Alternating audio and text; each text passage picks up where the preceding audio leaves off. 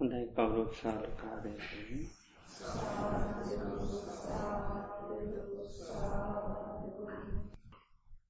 හොඳයි කවුරුත් තමන්ගේ නීරියාවට හොඳයට සිහ පිටුව ගන්න. මං මේ මොහොත්තේ ඉඳගෙන ඉන්නේ කියලා ඉන්න ඉරියාවට හොඳට සිහ පිටුව ගන්න. මං මේ මොහොත්තේ ඉඳගත්තේ ය මේ වාඩිවල බලාපොරොත්තුවෙන්නේ ලෝත්‍රා බුදුරජාණන් වහන්සේගේ ධර්මයක් ශ්‍රවනය කරන්නයි. දුරජාණන් වහන්සේගේ ධර්මයක් අපට මුණගහෙන්නේ ඉතාමත්ම කලාතුරකින්.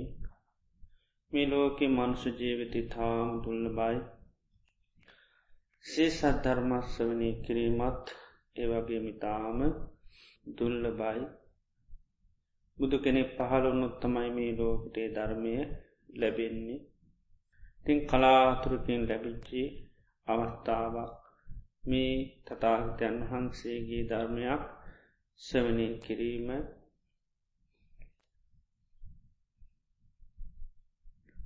මේ ධර්මය සම්මකවෙත් වෙලාවේ ඒ අවස්ථාව අපිට හැමදාම ලැබෙන එකක් නොවේ මකත අපේ ජීවිතය කියන්නේ තාම තාව කාලික එකක්.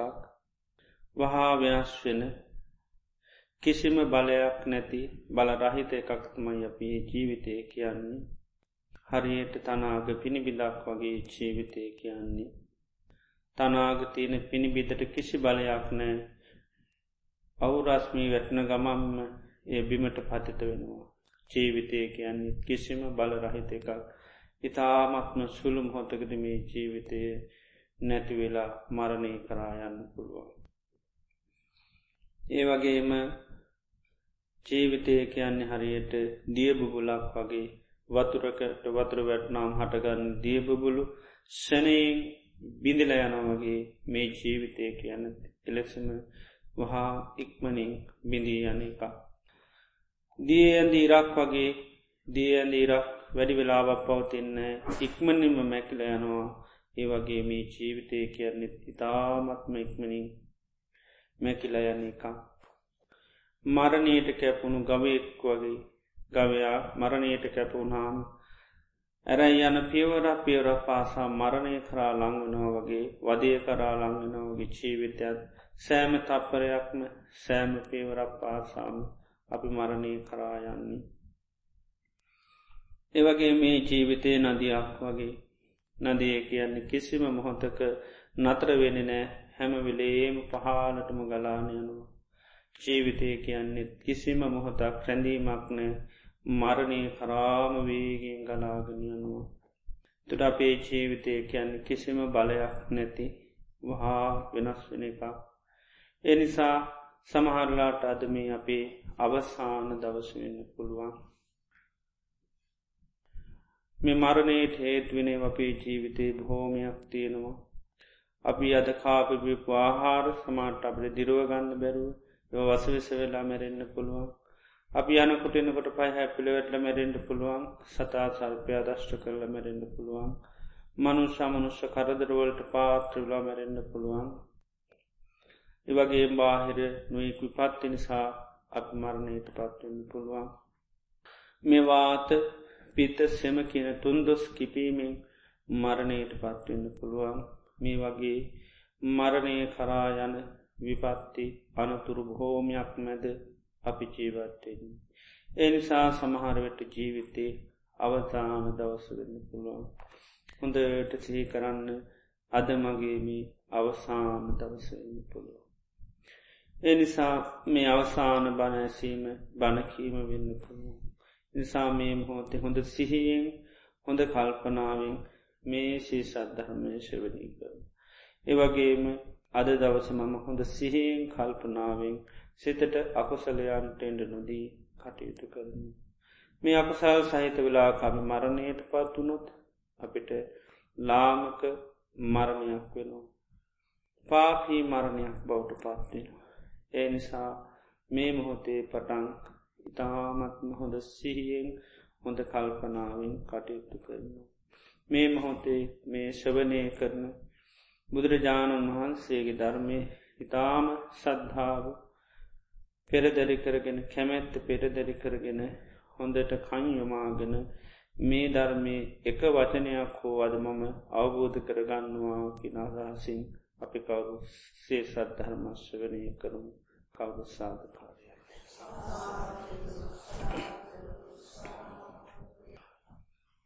නමෝතස්ස භගවතු වරහතු සම්මා සම්බුද්ධස්ස නමෝතස්ස භගවෙතු වරහතු සම්මා සම්බුද්ධස්ස නමෝතස්ස භගවෙතු වරහතු සම්මා සම්බුද්ධස්ස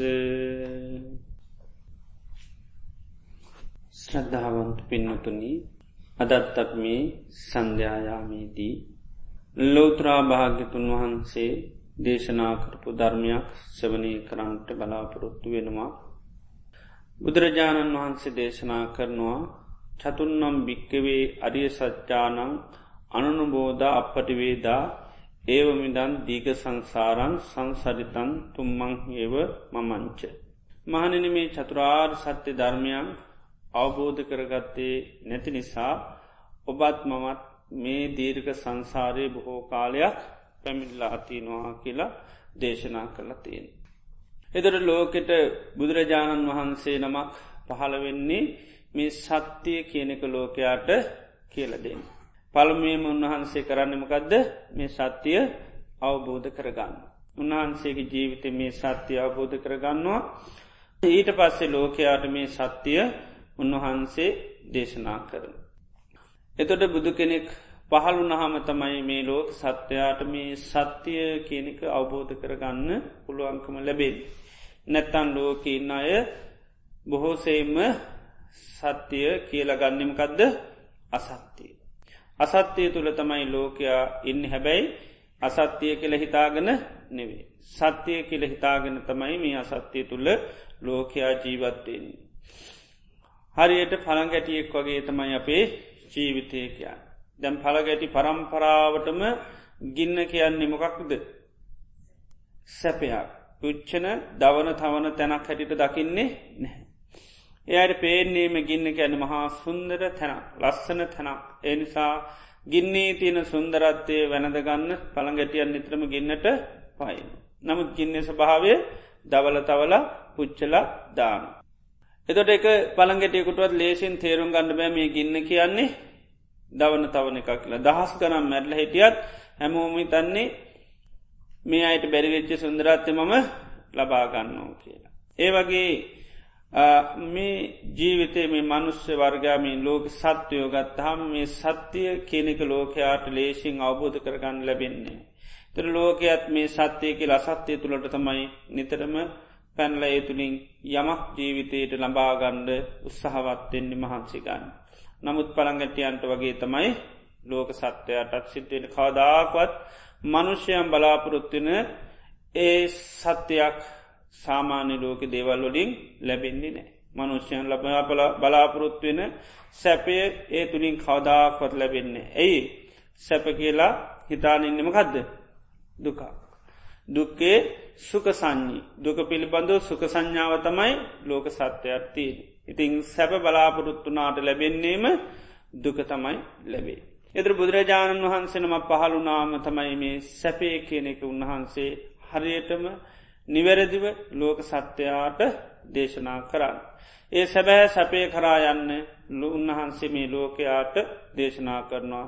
ඒ තුළින් මේ ලෝකෙ ඒ සැබෑ සත්‍යය උන්න අවබෝධ කරගන්ට හැකියාවතියෙන. එතන මේ සත්‍යය කියන එක අවබෝධ කරගන්න බුදුරජාණන් වහන්සේ දේශනා කරපු වැඩ පිළිවෙලක් තියෙන දේශනයක් තමයි අදාපි මේ මොහොතේ දේශනා කරන්ට බලාපොරොත්තු වෙන්නේ. මේ දේශනාවෙන් නම චංකි සූත්‍රයේ. චංකි කියන්න බ්‍රාහ්මණ පබුවරයෙක් ඒ බ්‍රාහ්මණ පබුවරයා මුල් වෙච්චි නිසා මේ සූත්‍රයට චංකි කියල මේ සූත්‍රය හඳුන්නනවා මජ්්‍යමනිකායේ මජ්්‍යම පඤ්ඥාසකේ තියෙන දේශනාවක් මේ චංකී සූත්‍රය කියන්න. එක කාලයක භාග්‍යවත් බුදුරජාණන් වහන්සේ චාරිකාවේ වැඩියක් කොසොල් ජනපදයට. කොසල් ජනපදයේ චාරිකාවේ උන්වහන්සේ වඩින ගමන් ඕපසාද කියලා බ්‍රාහ්මණ ගමක් තිබුණා. මෙන්න මේ ඕපසාද ගමී උතුරු පැත්තට වෙන්ඩ දේශවනය කියල සාලවනයක් තිබුණා. උන්වහන්සේ සාලවනය තමයි වැඩ හිටියේ. ති උන්වහන්ස මේ සාලවනී වැඩඉන්නකොට ඒ කාලෙ හිටිය චංකි කියලා බ්‍රාහ්මණයකේ බ්‍රාහ්මණයා ඒ පෙදේශයේ ප්‍රදේශයම එතුමාට කොසු රත්මාසිං බදු අය කරගන්න දීල තිබුණා. ඉතිං ඒ ප්‍රදේශයේ ප්‍රධානයක් හැටියට මේ චංකි බ්‍රාහ්මණයා හිටිය ඒ වගේම මන්ත්‍ර සාත්‍රය වගේ වේදයකින හැම දෙයක් පිළිබඳ හොඳට ප්‍රගුණතාව ඇතිබුණ වෙනත් අයට ඉගැන්වීම් පවා කරමින් තමයි මේ චංකි බ්‍රාහ්මණයා මේ ප්‍රදේශය හිටි. ඉතින් බුදුරජාණන් වහන්සේ මෙන්න මේ කොසොල් ජනපදයේ ඒෝපසාද නගරයට ඒ ගමට වැඩියට පස්සේ තින් ගමේ මිනිස්සු අතර බුදුරජාණන් වහන්සේ පිළිබඳව ලොකු කීර්තියක් පැතුරුණා. භාගතුන් වහන්ස පිළිබඳ ලොකු කීර්තියක් පැති වුණා මේ ගම ඒ මනුෂ්‍යයන් අතර. උන්වහන්සේගේ ගුණ ඒ අයි කතා කරන්න පටන්ගත්තා ඒ බුදුරජාණන් වහන්සේ සමනෝ කළු බෝගෝතම සමන බවත් ගෞතමයන් වහන්සේ අපේ මේ නගරයට ඇවිල්ල ඉන්නවා. උන්වහන්සේ පිළිබඳ මේ වගේ හොඳ ගුණ රාවයක් යනවා. ඉතිවිසෝ භගවා අරහං ඒ භාගතුන් වහන්සේ බුදුරජාණන් වහන්සේ අරහං රාගදේශ මෝහදි කෙලෙස් නැතිකරපු කෙනෙ. ඒ වගේම සම්මා සම්බුද්ධයි උන්වහන්සේ තමන්ම මේ ධර්මය අබෝධ කරගත්ත කෙනෙක්. විද්‍යාචන්න සම්පන් උන්වහන්සේ ගුණනුවනින් යුත්ත කෙනෙක්. ලෝකවිදු උන්වහන්සමේ ලෝකෙ සුගතු උන්වහන්සමේ රාගදේශ මෝහ නැති කරලා නිර්වාණය කරා පැමිච්චි කෙනෙක් ලෝකවිදෝ මේ ලෝකයේ සෑම දෙයක් උන්වහන්සේ අවබෝධ කරගත්තා. අනුත්තරෝ පොරිෂ දම්ම සාරති ඒවගේ උන්වහන්සේ මේ ලෝකයේ දමනය කළ හැකි පුද්ජලයන් දමනය කරපු කෙනෙක්. ඒවගේම සත්තාදේව මනුසානන් දෙවියන්ට මනුෂ්‍යයන්ට ශාස්තෘූවරේ. ඒවගේම බුද්ධෝ උන්වහන්සේ අවබෝධ කරගත් ධර්මයන්නයට අවබෝධය සඳහා ධර්මය දේශනා කරා භගවා උන්වහන්සේ භාග්‍යවන්ත කෙනෙක්. ඒවගේම උන්වහන්සේ මේ දෙවියන් සහිත මරුන් සහිත සමන ප්‍රාක්්මණයන් සහිත මේ ලෝකයේ උන්වහන්සේ මේ ලෝක සත්‍යයට ධර්ම දේශනා කන ඒ ධර්මය ආධිකල්්‍යයානම් මජ්්‍යය කල්්‍යයානම් පරියෝෂාන කල්්‍යයානම් මුල මැදාග කියන මේ තුන් තැනමේ ධර්මය කල්්‍යයානං කැනෙ යහපත්. ඒවගේම ඒ ධර්මය දේශනා කරන මාධ්‍යත් හරිම පිරිසුදුයි. අර්ථ සහිතයි ව්‍යංජන සහිතයි. පිරිසුදු බ්‍රහ්මචරියාවක් දේශනා කරනවා. එතුර මෙතන බ්‍රහ්මචරියාව කැනමකක්ද සීල සමාධි ප්‍රඥා කියනමේ ශාසන බ්‍රහ්මචරියාවක් දේශනා කරනවා. ඉති ඒ වගේ උතුම් රහතන් වහන්සේ නමක් දැකීම ඉතාමත්ම හොඳයි කියලමේ මිනිස්සු අතර කතාබහක් ඇති වුණා. ඊට පස්සේ මේ අය මොකදකේ අපි හෙනම් යම උන්වහන්සේ දකිින්ද. උන්වහන්සේ බලන්ඩයන් කියල කට්ටියම කතා කරගෙන දැ විශාල් පිරිසක් එකතු වෙලා කණ්ඩායන් කණ්ඩාමයම් දැයි යනවා අර සාල වනී කරා දේශ වන කියන සාල වනී කරා යනවා භාගිතුන් වහන්සේ මුණ ගැහෙන්ඩ. එතකොට මේ විශාල පිරිසක් යනකොට අර චංකි බ්‍රාහ්මණය හිටියේ තමන්ගේ උඩු මහල හිට යනකොට පාරයින තමයි යාගේ නිවස තිබේ ශාල මිනිසු කොටසක් යනවා. යනකොට යාගේ ඇමතිවරයට කතා කල් ලැහව මොකද මේ මිනිසු ගොඩක් මේ අර සල්වනය පැත්තට යන්නෙකි ලැහව. එදවට මේ චංකි බ්‍රාහ්මණයටර එයාගේ ඇමතිතුමා බුදුරජාණන් වහන්සේ පිළිබඳව මතක් කිරීමක් කරා මේ සමන බවත් ගෞතමයන් වහන්සේ අපේ නගරයට ඇවිල්ලන්න උන්වහන්සට සල්වනී වැඩින් උන්වහන්සේ මේ මේ ගුණ තියෙන කෙනෙක් ඉතිං උන්වහන්සේ පිළිබඳව පැහැදීමක් ඇති වෙලා මේ අය අනුව උන්වහන්සේ මුණගැහෙන්ඩ කියලා මේ අර එයාගේ ඇමතිතු මේ චංකි ඇමති එයට මතක් කර. එතොට මේ චංකි බ්‍රාහ්මණයත් බුදුරජාණන් වහන්සේ පිළිබඳව අහලා දැනගෙන හිටිය කෙනෙක් ඉතිං එතුමාටත් කැමැත්තක් ඇති වුණා බුදුරජාණන් වහන්සේ දකිින්ට. ඒ නිසා එයාර යන පිරිසට මතක් කරා පොඩ්ඩක් ඉන්ඩ කියන්න මමත්වෙනවා ඒ සමන බෞද් ගෞතමයන් බැහැදකිින්ට යන්න කියල තමන්ගේ අර ඇමතිතුමාට මතක් කරා. ඉති අය ගිහිල්ලා අර පිරිසට එයා ගිහිල පිරිසට මතක් කරා මේ චංකි ප්‍රාක්්මණයක් කැමති සමන බවත් ගෞතමයන් දකිින්ඩ යන්න. ඉතින් මේක ටිකක් ගම පැතිල්ල ගියා මේ සම මේ චංකි බ්‍රාහ්මණයා බුදුරජාණන් වහන්ස මුණ ගැහෙන්න යනවා කියල. ඒකා ඒ වෙනකොට මේ ගම්මානයට නොයෙක් පලාත්වලින් සභාවකට වගේ ඇවිල්ල තිබුණ විශාල බ්‍රාහ්මණ පිරිසක් විශාල බ්‍රාහ්මණ පිරිසක් ඇවල හිටිය මේ අයටත් දැනගන්න ලැබන මේ චංකි බ්‍රාහ්මණයා බුදුරජාණන් වහන්සේ මුණගැහෙන්ඩ යනවා කියලා. ඉතිං ඒක ආරංචුන ගමන් මේ බ්‍රාහ්මණ පිණිස වැඩිය කැමතුුණේ නැහැ. මොකද ඒ පලාතම හිටිය ප්‍රභූවරයා. තේ ප්‍රභූගරයා මේ බුදුරජාන් වන්ස මුණගැහෙන්ඩ යන්න ට ඒකටි කැමැත්තක් ඇතිවිලි නෑ. එනිසා ඒයකදේ මොකද පනිවිඩයක් කැරයා අපි වෙනකන් යන්න එපා කියලා. ඉති මේ අය ඊට පස්සමකද කරේ මේ චංකි බ්‍රාහ්මණය ළඟට ඇවිල්ලා ඇහවා ඔබ මේ සමන බවත් ගෞතමයන් බැහැදකින්න යන්න මේ සැලසුම් කරගරන්නවා කැන ඇත්තද කිල්හව. ගෙතරකිවා ඕ මම සමන බවත් ගෞතමයන් බැහැදකින්න යන්න තමයි දැම් මේ ලැකලා හස්තිවෙන්. සූදානන් වෙන්නේ සමන බවත් ගෞතමයන් වහන්ස දකින්න මේ අපේ නගරට ඇවිල්ලනේ අපේ නගර මේ සල්වනේ ඉන්නට මං කැමැති උන්වහන්සේ බැහැදකින්න යන්න. එතට මේ බ්‍රාහ්මණ පිරිසකිවා ඔයා සමන බවත් ගෞතමයන් වහන්සේ බැහැදකින්න යන්න සුදුසු නෑ. සුදුසු දේමකක්ද සමන බවත් ගෞතම යා දකිින් දෙන එක තමයි සුදුසු. මකද ඔබ සාමාන්‍ය කෙනෙක් නොවේ. ඔබේ හත්මුතු පරම්පරාවම ඉතාම පිරිසුදු කුලයක් තියෙන පිරිසක්. එමුදු කුලේකින් ඉපදිච්චි කෙනෙ සාමාන්‍ය කෙනෙක් නෙවේ. එනිසා ඔබවැනි කෙනෙක් සුදුසනෑ සමන බෞද් ගෞතමයෙන් බැහදකින්න යන්. තින් සමන බෞද් ගෞතමයන්ට ඕන්නන් සම බෞද් ගෞතමයෙන් කමන්නේ ඔබ බලන්ඩාවට ඔබ යන්න එහෙම සුදුසු නැහැකිව්වා. ඒවගේම ඔබ ඉතාම දැනුගත් කෙනෙක් ඔබට ත්‍රීවේදේ පුළුවන්. ඒවගේම ඔබට ලෝකායතන ඒවගේම මහාපුරෂ ලක්ෂණ මේ වගේ මේ ගොඩාත් දැනුගත්කම් තියෙන කෙනෙක් එමුදු උගතෙක් ඔය සමන බෞද් ගෞතම එල්ළඟට යන එක සුදුසු නැහැ. සැමන ගෞත්වමත ඔබලඟටාවට නම් ප්‍රශ්නයන්න ඔබ හැබැයි යන්න සුදුසු නෑමකද ඔබ ගොඩා උගත් කෙනෙක්. ඒවගේම ඔබ ගොඩාක් වයිසටගේ කෙනෙක් බුද්ධශීලිවයා වයස ඇත් එක්ක ගොඩාත් තැම්පත් සිල්වත් කෙනෙක්. ඉතින් ඒවගේ කෙනෙක් සුදුසුනෑ සමන බවත් ගෞතුමයෙන් වනි ලාබාල කෙනෙක් බලන්ඩ යනක. සමන බවත් ගෞතුම නං ආවට ප්‍රශ්නයක් නැහැ. ඒවගේ ඔබට හොඳට කතා කරන්න පුළන් බොහෝ අයට පැහැදෙන විදිේ නොේ කරුණු කාරණා කියල් දෙන්න ඔබට ගොඩාක් ඒවාක් විලාශයක් තියෙනවා ති එමදු කෙනෙක් සුදුසු නෑ සමන බවත් ගෞතමයන් බැහැදකිින්ඩයන්. ඒවගේම ඔබ සාමාන්‍ය කෙනෙක් නෙවේ ආචාරිවරුන්ගෙත් ආචාරිවරේ. එනිසා එමදු කෙනෙක් සුදුසු නෑ ශමන බවත් ගෞතමයන් බැහැදකිින්ඩයන්. ඒවගේ ඔබතුවා මේ කොසල් රත්තුමා විසින් බොහෝම ගෞරුව සත්පාර සම්මානවලට ප්‍රාත්‍රවෙච්චි කෙනෙක් රජ කෙනෙකුගෙන් ඒ විදිේ ගෞරුව සත්කාර සම්මානුවලට පාත්‍රච්චි කෙනෙක් සමන බවත් ගෞතමයන් දකින්න යෑම සුදුසනෑ සමන ගෞතමය නං ආවට ප්‍රශ්නයක් නැහැ.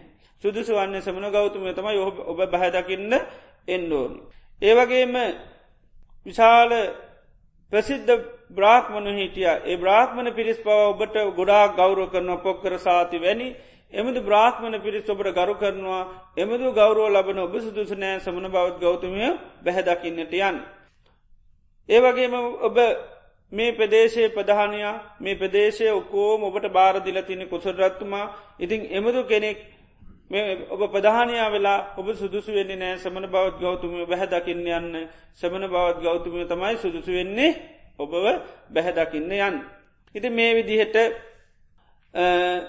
මේ චංකි බ්‍රාහ්මණයාට බුදුරජාණන් වහන්සේ බැහැදකින්න යන ගමන වලක්වන්න නොයේ කරුණු කිව්ව. එතර බාන් ලෝක හරි භයානක ස්වභාවයන් තිීන දැම් පොඩ්ඩක්වත් මෝඩ කෙනෙක් නම්කද වෙන්නේ මෙහෙම වර්ණා කරපු ගමන් මකද වෙන්නේ ඒ කිපු ඔක්කෝමකද වෙන්නේ තමන් දාගන්න එද ඊට දාගතර පස ආයි පලාතුවත් යන්නේ නැහැ.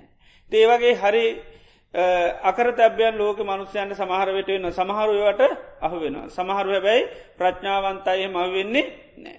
ඉති මේ චංකි බ්‍රාහ්මණයත් මේ අය එයාව කොච්චර වර්ණා කරත් එයාගේ තින වර්ණාකම් පෙන්නුවත් එයා කිව්වා මම කියන දේත් පොඩ්ඩක් අහන්ඩ කිව්වා.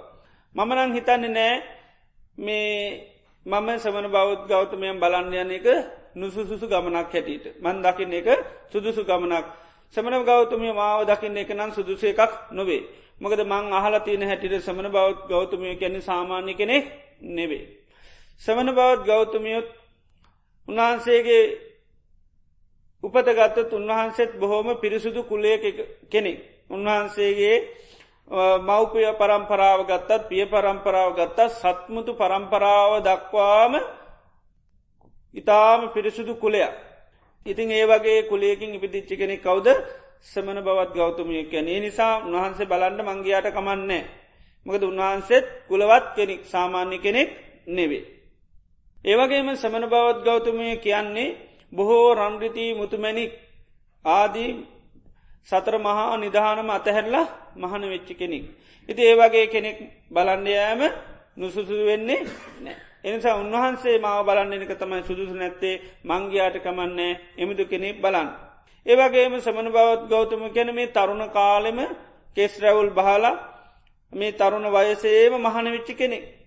ඉතින් ඒ වගේ කෙනෙක් බලන්න යෑම නුසුසුදු වෙන්නේ නැහැකිව. එතුර බුදුරජාණන් වහන්සේ පිළිබඳ ඒ කාලේගේ ගුණ ඇත්තම වස තරුණ කාලෙ තමයි මේ ගී ජීවිතය අතඇරලා මහනුලතිී. ඉති එනි සක්කවා උන්වහන්සේ වගේ ලොකු පරිත්‍යයාගයක් කරපු කෙන කෙනි සයිමදු කෙනෙ බලන්ඩයෑම නුසුසු වෙන්නේ නැහැ. ඒවගේම මේ සමන ගෞතමයන් වහන්සේ කියන්නේ මේ මහනවෙන්නගේ මව්පියන්ගේ අකමැත්තිෙන් අම තාත්තල හඬද්දි වැලබෙද්දි ඥාතින් වැලපෙද්දි තමයි උන්වහන්සේ පැවිදිෙන්න්නකි ඒකයි. ඒ අය ගොඩාක් දැන් අපි දන්නක් මේ සුද්දෝරත්තුමා ගොඩාක් වැලැක්වා බුදුර බෝසතන් වහන්සේගේ පැවිද්දට. ඉති එනිසාකව මේ සමන බවත් ගෞතම මේ අම්මලා තාතරාගේ අකමැත්තෙන් තමයි පැවිදුණේ. ඉතිං ඒ නිසා ඒ වගේ ගුණ තියෙන කෙනෙ බලන්න යෑම කිසිම සුදුසු නැතිකමක් නෑ. ඉති නිසා මම යන්න සුදුසේ උන්වහන්සනවේ මාව බලන්න එන්ඩෝන්. ඒ වගේම සමන බවසන් වහන්සේ කියන බොහෝම ලස්සන කෙනෙක්. බ්‍රහ්මයෙක් වගේ රූපයක් තියෙන කෙනෙක්. ඉති ඒ වගේ කෙනෙක් බලන්න යෑම ඉතාම සුදුසි. ඒවාගේම සමන බවත් ගෞතමයන් වෝ සීලවා සිල්වත් කෙනෙක්. අරිය සීලී. ආර්ය සීලෙන් යුත්තයි කුසල සිලි උතුම් සිල්වලින් යුත්තයි යහපත් සිල්වලින් යුත්ත කෙනෙක්. අර දැම් බ්‍රාහ්මණයකිවීමකද බුද්ධ සීලයා වැඩිහිටිකමින් තමයි අන්න සිල්වත්ලති නමුත් සමන බවත් ගෞතමයන් ගැන කියනොයා භාගතුන් වහන්ස කියන්නේ යකෙන සමන ගෞතමයන් වහන්ස කියන්නේ කුසල සීලයෙන් යුත්ත කෙනෙක්. ඉති ඒ වගේ කෙනෙක් බලන්ඩයෑම ඉතාමත්ම සුදුසුය කිව්ව. ඒවගේම සමන බවත් ගෞතමයන් වහන්සේ ඉතාමත්ම හොඳ දේවල් කතා කරන කෙනෙක් ශිෂ්ට සම්පන්න වචන කතා කරන කෙනෙක් උන්වහන්සේගේ වාක්විලාසි හට ලස්සනයි හොඳට දේවල් විග්‍රහ කරල කතා කරන්න පුළුවන් ඉතිං එමුදු කෙනෙක් බලන්ඩයෑම ඉතාමත්ම සුදුසුයකිව්ව. ඒවගේම සමන බවත් ගෞතමයන් වහන්සේ ආචාරය වරුන්ටත් ආචාර්යවරයෙක් උන්වහන්සේ. ඒවගේ උන්වහන්සේ කීන කාමරාග උන්වහන්සේ මේ කාමරාගය කියන එක ශය කල්ල තියෙන්නේ. විගත චාපල්ල උන්වහන්සේ මේ වාචාලකමින් යුත්ත කෙනෙක් නොවේ ඉතාමත්ම පිටිසුදු වචන කතා කරන ශිෂ්ට සම්පන්න වචන කතා කරන කෙනෙක්. ඒවගේම සමන ගවත් ගෞතමයන් වහන්සේ කැන කම්මවාදී ක්‍රියාවාදී කෙනෙක්. මකද කම්මවාදී ක්‍රියාවාදී කෙනෙක් කියනු. මකද කම්මවාදී ක්‍රියාවාදිකයන්. කම්මවාදිකයාවති කර්ම කර්මඵලය විශ්වාස කරනවා කියනක. එතර යමක් කරොත් ඒක විපාකෙනවා කියලා බුදුරජාණන් වහන්ස ප්‍රකාශ කරන යම් අකුසලයක් කරත් කුසලය කර ඒක විපාක සකස්වෙන ඒකයි කම්මවාදී කැන එකයි කර්මය පිටබඳු උන්වහන්සේ ඒ විදිේ ධර්මදේශන් කරන්න කම්මවාදී ක්‍රියාවාදි කැන ක්‍රියාවක් කලොත් ඒක ප්‍රතිඵල ලැබෙනවා ඒකයි හොඳ හෝ නරක. ඊළඟට අපාප පුරෙක්කාර උන්වහන්සේ කුසල් පෙරදැරි කරගෙන ජීවත් වෙන කෙනෙක්. ඒවගේම සමන බව ගෞතමයකැන් උසස් කුලයකින් නික්මිලා පැවිදිච්චි කෙනෙක්.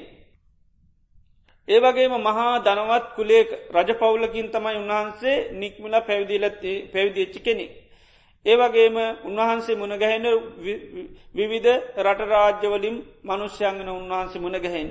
ඉති ඒ වගේ කෙනෙ බලන්ඩයෑම ඉතාමත්ම සුදුසේ උන්වහන්සේ මා බලන්ඩෙන් ඕනි නැහැ. ඒවගේම උන්වහන්සේ තං සමනංකළු ගෝ ගෝතමං අනේකානි දේව සහස්සානී පානේ සරණංගතා. ඒ පමණක් නවේ උන්වහන්සේ සාමාන්‍ය කෙනෙක් නෙවේ දෙවියම් බ්‍රහ්මයන් උන්වහන්සේ දිවීමියෙන්ම සරණගේ කෙනෙක්. ඉති ඒ වගේ කෙනෙක් දකිින්ඩ යෑම ඉතාමත්ම සුදුසේ සුදුසු නැති දෙයක් නොවේ. ඒවගේම සමන බවත් ගෞතමයන් පිළිබඳව මේ වගේ කීර්තිරාවයක් පැතිරෙනවා උන්වහන්සේ අරහන් සම්මා සම්බුද්ධ විද්‍යාචරණ සම්පන්න සුගත ලෝක විදූ අනුත්තරෝ පුරිස ධම්ම සාර්ථී සත්තා දේව මනුත්සානම් බුද්ධූ භගවා කියලයි ගුණටික ප්‍රකාශ කර මේ වගේ ගුණ තියෙන කෙනෙක්. එපමනක්නේ උන්වහන්සේට දෙසස් මහා පුරුෂ ලක්ෂණ තියෙනවා. ඒවගේම ඒ සමන බවත් ගෞතමයන් වහන්සේ බිම්බිසාර රජතුමා කුසොරාත්තුමා පොක්කර සාති බ්‍රාහ්මණය වැනි ඒ රජවරු බ්‍රාහ්මණ සිටුවරු හැම කෙනෙක්ම තමන්ගේ පරම්පර දරු මුණුමුරන් සමඟ උන්වහන්සේ සරණ ගිහිල්ල උන්වහන්සේගේ සාකයම් බවට පත්වෙලා තියෙනවා. ඉති ඒ නිසා ඒ වගේ කෙනෙක් බලන්ඩයෑම ඉතාම සුදුසුයි මම තමයි උන්වහන්සේ බලන්න යන්ඩෝනි. උන්වහන්සේ මා බලන්න එනෙක සුදුසු වෙන්නේ නැහැ. ඒවගේම සමන බවත් ගෞතමයන් වහන්සේ දැන් වැඩින්න අපේ ගමි. ඉති අපේ ප්‍රදේශේ තමයි ඉන්න ඉතින් උන්වහන්සේ දැන් අපිට කවුද ආගන්තුකයෙක් කිව්වා. ඉති ආගන්තුකයන්ට සැලකීම අපේ යුතුකමක්කිවා. එනිසා උන්වහන්සේ ආගන්තුකයෙක් හැටියට හෝ සලකලා යෑම තමයි සුදුසු කියල කිව්වා.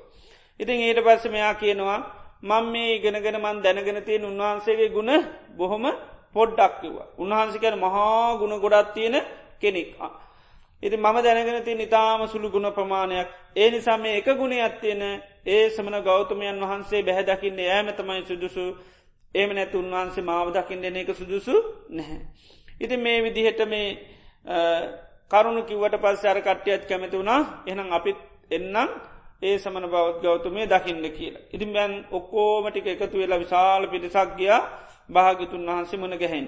ඉතින් භාගිතුන් වහන්සේ මන ගැහෙන්න ගිල්ලා සමහරුන් වහන්සිට ගෞරෝ කරා සමහරු සතුටු සාමීච්ච කතා කරලා ඉතිං විසාර පිටිසත් දැන් එක්‍රැක්ෂලා හිටිය. ඉතින් බුදුරජාන් වන්ස මේ අඇත් එක කතා බහ කරනකොට එතන හිටිය ඉතාමත්ම අවුරුදු දාශයක් වැනි කුඩා වයස තියෙන ත්‍රිවේදය පිළිබඳව සම්පූර්ණ පරතරට ගිය ඒ බ්‍රාහ්මණයන්ට අයිති සියලූම විෂයම් පිළිබඳව පරතරට ගිය පොඩි ළමයෙක්කිට අවුරුදු දාශය හැබැයි ඉතාමත්ම මේ බ්‍රාහ්මණයන්ට තියෙන ඒ සියලුම දේම ඉගෙන ගත්ත කෙනෙ ත්‍රවේදය කෙනෙක සම්පූර්ණ ඉගෙනගෙන තියෙන්. බ්‍රාහ්මණයන් විශේෂම ලෝකායතනක ලෝක ස්වභාවයන්ගෙන ඉගෙන ගන්න. වගේ මහාපුරුෂ ලක්ෂණ ඉගෙන දැ මේවා පිළිබඳ හැම දෙයක් පිළිබඳව මේ මේ තරුණයාට මේ හොඳ දැනුමක් අවබෝධයක් තිබුණා. ඉතින් බුදුරජාණන් වහන්සේ දැම් මේ වැඩිහිටි වැඩිහිටි බ්‍රාහ්මණයන් එක කතා කරන. කතා කරනකොට අර තරුණයමකද කරන්න? මැදට පැන්ලා කතා කරන මොකද එයත් දැම් ගොඩා උගත් කෙනෙන්නේ ඉතිේ නිසා එයත් මකද වෙන්නේ? බුදුරන් වහන්සේත අර කට්්‍යයත් එක කතා කරනකොට එයත් මැදට පැල්ල කතා කරන. එදර බුදුරන් වහන්ස කිව්වා එයාගේ නම කාපටික. ඉතියා කාපටික බාරද්වාජය. ඉතින් බාරද්වාජ කියන නම ආමන්ත්‍රණය කරලා කිව්වා. මානවකය මේ පොඩ්ඩක් ඔයා මේ අන්න අය කතා කරනකම් පොඩ්ඩක් ඉවසන්න මේ කතාවේ කෙරවරක් වෙනකං ඉන්න. මේ අතර මැගදී කතාවලට පයින්න එපාකිව. එදවට මේ බ්‍රාහ්මණ පිණිස බුදුරජාන් වහන්සේට මතක් කරා හාහා සමන බෞද් ගෞතුම මෙයාට එහෙම කියන්න එපා. මෙයා මේ සාමාන්‍ය ළමේ නෙවේකුවා මෙයා මේ වෙනකොටත් අපි ඉගෙන ගතයුතු ඔක්කොම දැ මෙයා ඉගෙනගෙන අවසානයකුව ඔබහන්සෙත් එක මෙයට ඕනි දෙයක් කතා කරන්න පුළුවන් කිව්වා. එනි සමයා සාමාන්‍ය කෙනෙ කැටට පෙතිස්සේප කරන්න එපා. ඉති ඒකයි බයිනතුවර කට ඉදිරි මෙත් කතාගනකද මෙයාට ගොඩාක්කයි හැමෝම ගරු කනක දවරුදු දාශය වනකට ඔක්කොම ඉගෙනගෙන ඉවර ඇතුර සාමානය කෙනෙක් නෙවේ. ඉතාන ඔක්කෝම දන්න දේවල් මෙයත් දන්න අවුරුදු දාශය වෙනකොට.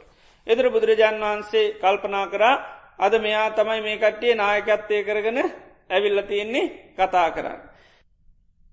එතට අර කාපටික කියන තරුණය හිතුවක් දයා ගැන ගොඩාක් වර්ණා කරන්න යහහිතුව මන්දිහා බලලා මට මේ ඇස්වලින් ආමාන්ත්‍රණය කොරොත් විතරයි මන් සමනවගත්තමත් එක කතා කරා. නැත්තම්මන් කතා කරන්න යන්නේ නැහැ. ඇයිමක දෙයට්ටියක් පහලට දැම්මන ඉතින් ඒට පස බුදුරන් වන්ස දැක්කමයාගේ හිත දැකල උන්වහන්සමකද කරේ එයාගේ පැත්තට ඇල්ල ඇදහා බැලු. ඊට පස්සයා දැනගත්තා සමන ගෞත්තමයෝ එන මාත්‍යක මේ කතා කරන්න කැමති. ඊට පස්සේ මෙයා බුදුරජාණන් වහන්සේ මේ වගේ කතාවක් පස්්නයක් මතක් කරා යමිදම් ගෝතම බ්‍රාත්මනානම් පෝරානම් මන්ත බදං ඉතිහිද පරම්පරාය පිටක සම්පදාය. තච්චච බ්‍රාහ්මණා ඒකාන්සේර නිට්ටං ගච්චති ඉද මේව සච්චම් මෝගමං්ඥන්ති. සමන ගෞතමයන් වහන්ස මේ බ්‍රාහ්මණයන්ට පරම්පරාවෙන්ම එනවා මේ මන්ත්‍ර පිළිබඳු. පොත්පත්වල මේ පරම්පරාවෙන් එනවා. හැබැයි මේ බ්‍රාහ්මණය කරන්නමක දේනොකෝම ඉද මේව සච්චම් මේක තමයි ඇත්ත. අඥම් මෝගං අනිතොක්කම බොරුයි කියලා ඒ මන්ත්‍ර පිළිබඳව සම්පූර්ණ පිළිගැනීමකට ලක්වෙන පිළිගැනීමක් කරනු. ඒ පිළිගැනීම තුළ ඉඳගෙන තමයි අපි මේ මන්ත්‍ර සාත්‍ර ඉගෙන ගන්නේ මේක තමයි ඇත්ත අනිතොක්කම බොරු කියලා. එතොට බුදුරජාණන් වහන්ස මේ කාපටික කියන තරුණයාගෙන් ඇහවා භාරද්වාජ ඔය එක බ්‍රාහ්මණය හරි. ඔය කියන දේවල් පිළිබඳව අහම් මේ තම් ජාන මම ඕක හරියටම දන්න මම මේ අවබෝධ කර ගත්තා කියලා එක්කෙනෙක් අවබෝධ කරගෙනද කියන්නේ මේක තමයි ඇත්ත අනිතේවා බොරු කියලා. එතර කිව්වා නොහිදම් ගෝගෝතම එහෙම කියන්නේ මේකැන් එහෙම නෑකිවා අපි පිළිගැනීමෙන් තමයි කිය එහෙම නැතුව මේක පත්්‍යශ අවබෝධයකින් නොවේ. එතර බුදුරයන් වන්සේව ඕකට පරම්පරාව කවුරුහරි මේ ගැන කියලති නොද මම මේක හරියටම දැනගෙන අවබෝධ කරගෙන තමයි කැන මේ අපේ දේවල් තමයි ඇත් අනිත් ඔක්කම බොරු කියලා. එතරකවා එහෙමත් නෑකිව්. ඊළඟට බුදුරජාන් වහන්සේව ඔය මන්ත්‍ර ශාස්ත්‍ර ඕ වේද හැදුව ඉන්නවා ඉශුවරු ඉන්නවා. ඒ අය තමයි මේ මන්ත්‍ර ශාස්ත්‍ර ඔක්කෝම ඉගෙනගෙන හදල තියෙන්නේ. එතුර ආන්නේ කවුරු හරි අට්ටක වාමක වාමදේව වෙස්සාමින්ත කියලා මේ වගේ ඉර්ශවරුන්වා ආනේ ඉශ්වරයක් කියලති නොද මම මේක හරියටම දැනගෙන අවබෝධ කරගෙන මං මේ කියන්න කියලා ඒ නිසා මේක තමයි ඇත් අනිත්තොක්ක මෝරුව කියලා එහෙම කියන්නේ ඒකටේ යම් පත්‍යශ අවබෝධකට පැමිණිලාදිකි ලැබ ඉදිරකවා නොයි දංගෝතුම එහෙම නෑ කියල කිව්. එදර බුදුරජාණන් වහන්සේ පෙන්වා දැම් මේ ඔබගේ ඔබලාගේ මේ කිසිම කෙනෙක් එක බ්‍රාහ්මණයෙක්වත් මෙන්න මේ කරුණු මම හරියටම දන්නවා හරියට අවබෝධ කරගෙන තමයි මේක තමයි ඇත්ත. අනිත්තොකම බොරුයි කියලා කියනවා. එතර එක බ්‍රාහ්මණයෙක්වත් අවබෝධ කරගන්න නෙවේ ඒවගේම හත්මුතු පරම්පරාව දක්ක මේවා මේ මන්ත්‍ර සකස් කරපු ඒ අය දක්වාම කිසිම කෙනෙක් මේක පත්්‍යයක්ෂව තමන් අවබෝධ කරගෙන කියන එක නෙවේ. ඒ අවබෝධ කරගෙන මේක තමයි ඇත්ත අනිත්තොකම් බොරුයි කියලා මේ අවබෝධ කරගෙන කියන එකක් නෙවේ. එනිසා බුදුරන් වන්ස් කියනවා මටනම් පේන මේක අන්ද වේලු පරම්පරාවක් වගේ කිය.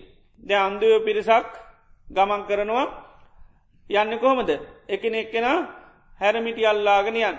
එතට පලවිනියට යනයකෙන දන්නනෑ කොහෙද යන්නේ කියලා අන්ද හිද පේනෙන් ඊළඟට මැදාය දන්නෙත් නෑ.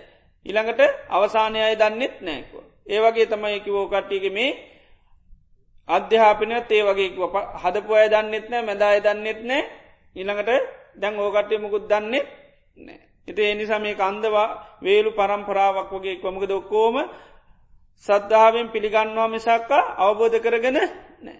එනිසා ගුරු පරම්පරාවෙන් පරම්පරාව පිළියරං ආවින් සක කවරුත් මේක පත්‍යශ්වාව නමුත් කියන්න කොහොමද මේක තමයි ඇත් අනි තොක්කම බොරුයි. ඒ පිළිගැනීමෙන් ඉඳගෙන තමයි කියන්න. එතට මෙයා කියනවා සද්ධාවෙන් පමණක් මේක අපි බාරගන්නෑ කිව්වා. අනුස්ස වෙන අපි මේක නැවත නැව තහනුවේ අහනකොට අපිට මේක තේරෙනවා ඒ නිසා මේක සද්ධාවෙන් පමණක් බාරගන්න එක නෙවේ කියලමයා ඊට පස්සේ බුදුරජාන් වන්සට මතක් කරන. එතර බුදුරජන් වන්ස මතක් කරනවා බාරද්වාජ ඔබ මුලින්කිවේ සද්ධාවෙන් අපි වාරගන්නවා කියල දැන් කියනවා ඇසීම තුළින් කියලා. එතට බුදුරජාන් වන්ස දේශනා කරනවා මේ භාරද්වාජ මේ ලෝකයේ දෙයක් ඉගෙන කියාගන්නකට එහෙම නැත්තං අධ්‍යාපනයක් ලබාගන්නු ක්‍රම පහත්තිනකුව. පංචකෝ භාරද්වාජ දිට්ටේ දම් මේ දිදහ විපාකා. හැබැයි මේ පහෙන් විපාක දෙකත්තිනවා කිව්වා. ඒ තමයි මේ කෙනෙකුට අධ්‍යාපනයක් එම නැත්තන් දැනුමක් ලබාගන්න පස්සාකාරයකින් පුළුවන්. හැබැයි ඒ ආකාර පහේ නිත්‍රම විපාක දෙකත්තින. ඒ කරුණු පහ බෙන්න්නනවා සද්ධහා රුච්චි අනුස්සවන ආකාර පරිවිතර්ක දිට්ටි නිජ්ජහනක් කන්ති කියලා. එතර මේ ලෝකයේ කෙනෙක් දැනුමක් දෙයක් ලබාගන්නන ඔය පහට ඇවිල්ල තමයි ලබාගන්න. එක්කු දෙයක් මකද සද්ධහ කියන්නේ පිළිගැනීම තුළ රුචි කියන්නේ කැමැත්ත තුළ අනුස්්‍රවණය කියන්නේ නැවත නැවත ඇසීම තුළ. ඉළඟට දිට්ට ආකාර පරිවිතර්ක කියන නොයෙක් විදිට කරුණු සල්කා බැලි. ඉළඟට දිට්ටයි නිජ්ජහනක් කන්ත. දිට්ටි නිජ්ජානක් කන්ත කරුණු විමසා ඇතිකරගත් වැටහීම කියල කියන. ඔන්න ඔය පහෙන් කියනවා කෙනෙක් ලෝකේ අධ්‍යාපනයක් දැනුමක් වැටහි මොනොහරි ඉගෙන කියයාගන්න වන ඔය පහ තුළට ඇයිලතමයි මනුස්්‍යයන් කරන්න. හැබැයි බුදුරජාන් වන්ස කියන මේක විපාග දෙකක් තියෙන. මේ පහ තුළ විපාග දෙකක් තියෙනවා වෙන්නනවා කෙනෙ දෙයක් පිළිගන්නවා. හැබැයි ඒ පිළියරන්තියනමකක්ද. රිත්තං හිස් දෙයක් තුච්චං සමහට්ට හරයක් නැති දෙයක් මුසා කියන්නේ බොරුව. එතට කිසිම හරයක් අර්ථයක් නැති දෙයක්ත්තම එයා පිළියරන්තිය. ඒවගේ මෙයා පිළියරන් නැත්තමකක්ද. සත්‍යය වූ වටිනාදේ අර්ථ සම්පන්න දෙය සමටය පිළියරක් නෑ පිළියරන්තිනමකක්ද කිසිම හරයක් නැති අර්ථයන් නැති බොරුවක් තමයි පිළියරන්තින්නේ. එනිසා මේ පිළිගැනීම කියන එක විපාක දෙකක් තියෙන. හොඳ දේවල් පිළිගණ්ඩක් පුළුවන් නරක දේ පිළිගන්න පුළුවන්. එනිසා පිළිගැනීම කියන දේ පැමිල්ල කෙනෙක් මේකම තමයි ඇත් අනිත ඒවා බොරු කියල යන්නේ නැහැ. ඇයි පිළිගත්ත දේ ඇත්තක් වෙන්ඩක් පුළුවන් බොරුවක් වෙන්ඩක් පුළුවන්. එනිසා පිළිගැනීම කියන මාධ්‍යයෙන්ම නතර වෙන්නේ නෑ ඒකයි. පිළිගැනීමෙන්ම නතර වුණොත් සත්‍යය සමාට පිල් නොපිළිගෙන පිළියරන්තියනම ගදද අසත්තිය. ඒවගේම රුචිය කැමැත්ත කියනක කැමැති සමාට කැමැති වෙලා තියෙනම ගදද. අර්ථයක් නැති හරයක් නැති බොරුවකට තමයි කැමතිලතිය. එතුර යා කැමති වෙලා නැතිවෙලා තියෙන පුළම ගෙරද අර්ථයත්තින හරයත්තින ඇත්තර කැමති වෙලා තියෙන නැතිවෙන්න පුළුවන්. එතර මේ කැමැත්ත කියනෙක ත්‍රිපාග දෙයක්ත්තිනවා හොඳ දේටත් කැමති වෙන්න පුළුවන් නර්ක දේට කැමති වෙන්න පුළුවන්. එතොට කැමැත්ත වෙච්චිදේ ඒකාන්ත වසයෙන් ගන්න මේක තමයි ඇත් අනිතේවා බොරු කිරයි. එයා කැමති වෙලා තියෙන ලෝකේ කිසිම හරයන්න නැති අර්ථයන් නැති බොරුවකට. එති නිසා ඒ කැමැතුූ පමණින් මේවා භාරගණ්ඩයන්නේ නෑ. ඒව සත්‍යය හැටිට කියන්නේ නෑ. ඒවගේම අනුශ්‍රවනය කැනැසීම තුළ දෙවල් අහනකොටත් අපිට යම් මතක ඇත්තියාගන්න පුළුවන්. එතර කෙනෙක් අහලා තියෙන මොනවද. කිසිම හරයන්න ඇති අර්ථයන්න ඇති බොරු. එතර ආපු දේවල් ඒ කාන්ත වශයෙන් ගණ්ඩයන්න මං අහපුවා තමයි ඇත්ත අනිතේවා බොරු කියලා. මොක දහලා තියෙන්නේ කිසි හරයන්න ඇති අර්ථයන් නැති. එයන් අසා නොති පෙන්න්න පුළ මොනවද. ආර්ථ සම්පන්න වැඩදායි සත්තිය. ඒක නොහැසි අහල නැතිවෙන්න පුළුවන්. ඒකයි. එනිසා ඇසූදේ ඒකාන්ත වසයෙන් යාන් නිගමනකට යන්නේ නැහැ. ඒවගේම කල්පනා කිරීම තුළත් යම් වැටහිමත් තේරුමක් කෙනකට එන්න පුළ එතොඩයා කල්පනා කරපු දේමකක්ද සත්‍යය නොවන හිස් බොරු කල්පනා කරන්න පුළුවන්. ඉති එනිසායේ මම කල්පනා කරපු දේ සත්‍ය හැටිට එයා ගන්නේ නෑ මොකද සමට ඇත්ත කල්පනා නොකර තියෙන්න්න පුළුවන්. එනිසා මේ කල්පනා කිරීම කියන එකෙත් විපාක දෙකක් තියෙනවා. අපි හොඳ දේවල් කල්පනා කරන්නක් පුළුවන් නර්ක දේවල් කල්පනා කරන්නක් පුළුවන්. එති එනිසා ඒ කල්පනා කර පමණින්ම එක ඇත්ත හැටිට බාරගන්න එපාකින. ඉද මේව සච්චන් අඥන් මෝග මේක තම ඇත් අනිතේවා බොරු. ඊළඟට දිට්ටි නිජානක් අන්ති ගැන වැටහිම ඇතින කරුණු විමසනකට පුද්ජලන දේවල් තේරෙන. එතට තේරෙන දේ සමාල්ලාට ඒකමකක්ද. වැටහිච්චිදේ එක හිස් දෙයක් වෙන්න පුළුවන් ඉළඟට ආර්ථ විරහිත දෙයක් වෙන්න පුළුවන් ඒවගේම බොරුවක් වෙන්න පුළුව. ඒවගේ මේයාට සත්‍ය වූ ඇත්ත සමල්ලාට වැැන්ව හැටියෙන්ට පුළුව. ඉති එනිසා මේ කරුණු පහතුලින් දේවල් ග්‍රහණය කරගන්න පුළුවන් හැබැයි ඒ ග්‍රහණය කර ගැනීම සත්‍යය නොවෙන්න පුළුවන්. එනිසා ඒවා ග්‍රහණය කරගත්තත් මේ ක්‍රම පාට කෙනෙක් යන්න හොඳ නෑ ඉද මේව සච්චම් මෝගං අඥම් මේක තමයි ඇත්ත අනිතේවා බොරු. එනිසා ඒකාන්ත වසයෙන් නිෂ්ඨාවකට යන්න එපාකිනවා. එතට බුදුරජාණන් වහන්සේ දේශනා කරනවා ඒ ක්‍රමවේදයට කෙනෙකුට පුළුවන් යම් සත්‍යයක් ආරශ්ා කරගන්න ඒ ක්‍රමවේදේ භාවිතා කරන්න පුළුවන්.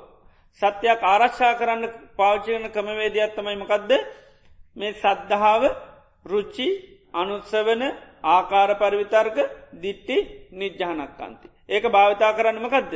සත්‍යයක් යමක් ආරශ්ා කරගෙන යන්න පමණ ඒකයි. බුදුරන් වන්ස කෙන ඒකෙන් සත්‍යයක් ආරශ්ා වෙනවා මිසක්කා මේ සත්‍යයක් අවබෝධ කරගන්නවා නොවේ. එනිසා මේ කෙනෙක් සත්‍යයක් ආරශ්ා කරනකොට ආනයා කෙනෙකුට දැන් කියන්න පුළන් මට මගේ පිළිගැනීම මේකයි කියලා. එතර මගේ පිළිගැනීම මේකයි කියන තුළ දෙයක් එයාට පිළියරගෙන ඉන්න පුළන්ද බයිද පුළුව. එතර පිළියරගෙන ඉන්න පුළන් හැබැයි ඒකාන්ත වසයෙන් ගන්නේ මං පිළිගත්ත දේ තමයි හරි අනිත්තේවා බොරු. හැබැයි දෙයක් අමතක නොවෙන් එයා පිළිගැනීම කියනක භාවිතා කරන. එතර එයා පිළිගත්තොත් එයාට ඒදේ දරාගන මතකතියාගනය ඉන්න පුළුවන්. ඒ නිසා හැබැයි එයා ඒකාන්ත වජේ නිෂ්ඨාවකට යන්න මේක තමයි ඇත් අනිත්තේවා බොරු කියල. ඒවගේම කෙනෙක් යන්න පුළ මගේ කැමැත්ත මේක. එතර කැමැත්ත තුළින් දෙයක් එයාට පවත්වගෙන යන්න පුළුවන්. එතර දෙයක් ආරශ්ා කරන්න කැමැත්ත භාවිතා කරනු ඇරෙන්න ඒක එයා පත්‍යශාබෝධයක් හැටිට දකින්නේ නැහැ. ඒවගේම තමයි කරුණු අනුශ්‍රවනි ඇසීම තුළිමුත්මකද වෙන්නේ. දෙයක් කෙනෙකුට ආරශ්ා කරගෙන යන්න ඒවගේම කරුණු විමසීම තුළත් කෙනෙකුට දෙයක් ආරශ්ා කරන යන්න පුළුවන්. ඒවගේම කරුණු විමසල්ලා තොට යට යම් වැටහීමක් ඇතිවෙන්න පුළන් වැටහීම තුළිමුත් කෙනෙකුට දෙයක් මේ ආරශ්ා කරගෙන යන්න පුළුවන්. එතර මේ පස්ක්‍රමය තුළින් සත්‍යය කෙනෙක් ආරශ්ා කරන්න පුළුවන් කියන. සත්‍යමකදද ආරශ්ා කරන්න පුළන් මේ ක්‍රම පහ කෙනෙ පුරුදු කරනවන. මකදදේ සද්ධහා රුච්චි අනුත්සවන ආකාර පරවිතර්ක දිට්ටි නිච්චාක ඒකට කැන සච්චානු රක්කි සත්‍ය ආරශ්ා කරන්න පුළන් මේ පහතියෙනවන. ගැන සත්‍ය අමතක වෙන්නේ නැහැ. දැන් දෙයක් පිළිගත්තත් ඒ පිළිගත්තදේ අපට මතක හිටිය දමතක වේද. මතකින්න දෙයක් පිළිගත්තොත් ඒක මතකින්න දේකට අපි කැමති කැමති නොත් ඒක ඒත්මකද වෙන්නේ. අමතක වෙන්නේ නැහැ. දෙයක් අපි නිතර නිතර අහනවා අහන කරත්මක දෙන්න අමතක වෙන්නේ නෑ. අපට සත්‍යයක් නිතරම හැඩ ලැබෙන ඇහැනකට ඒ සත්‍ය අපට අමතක වෙන්නේ නෑ. ඒවගේම සත්‍යයක් ගැන අප නිතරම කල්පනා කරන ඒ කල්පනා කරනරතේ අමතක වෙන්නේ නැහැ. ඒවගේම සත්‍යය කල්පනා කරන යන් අපිට වැටහීමක් වෙන තේරුම් ගැනීමක් වෙන තේරුම් ගන්න කොටත්තේ සත්‍ය අමතක වෙන්නේ නැහැ. එතට අන්න සත්‍යය කියනදේ ආරශ්ා කරන්න පුළුවන් මෙන්න මේ අවස්ථා පහට පැමිණෙනකුට ඒ තමයි සද්ධහා රුචි අනුස්සවන ආකාර පරවිතර්ක දිට්ටි නිජ්ජහනක් කන්ති කියලා. හැබැයි බුදුරජාණන් වන්සේ දේශනා කරනවා මේක සත්‍ය ආරශ්ා කිරීම පමණයි සත්‍ය අවබෝධයක් නෙවේ. සත්‍ය අවබෝධ කර ගත්තනේ සත්‍යමකක්ද ආරශ්ා කරගත්ත පමණ. එතර අවබෝධයට මෙහා අන්න සත්‍යයක් කෙනෙකුට ආරශ්ා කරගන්න නම් මෙන්න මේ පහට එන්ඩෝ. මේ පහට පැමිණි කියලයා සත්‍ය අවබෝධ කරගත්ත කෙනෙක් නෙවේ මකදද සත්‍යය ආරශ්ා කරන කෙනෙක් පමණයි. ඊළඟට මෙහානුවා ඔබහන්සකපු ඒ සත්‍ය ආරශ්ා කිරීම ගැන දැන්මට තේරෙනවා. එතර දැම් මේ සත්‍ය අවබෝධයක් ගැන කිව්වා. එතට මේ සත්‍යය කෙනෙ අවබෝධ කරගන්නේ කොහොමද කියලෙහ. සත්‍යය අවබෝධ කරගන්නේ කොම දැන් සත්‍ය ආරචා කරන ක්‍රමය කිව්වා. ඒකට මගේ යම් කැමැත්තක් ඒවගේම අපි ඒක භාරගන්නවා ඒවගේ මේ සත්‍ය අවබෝධ කරගන්න කොහොමද කියලා බුදුරජාන් වහන්සේගෙන් ඇහව. එතොට බුදුරජන් වන්ස මත් දේශනා කරා භාරද්වාජ කෙනෙකුට තමන් ඉන්න ප්‍රදේශවල සමහර දැන උගත් අය පිළිබඳ වහන්න ලැබෙනවා දැන් සම් බිස්සුන් වහන්සලා ගැන හන්ඩ ලැබෙන බුදුරන් වහන්සේ ගැන හන්ඩ ලැබෙනවා ඒවගේ මනුෂයන්ට යම් දැනුගත් අය ගැන අහන්ඩ ලැබෙනවා.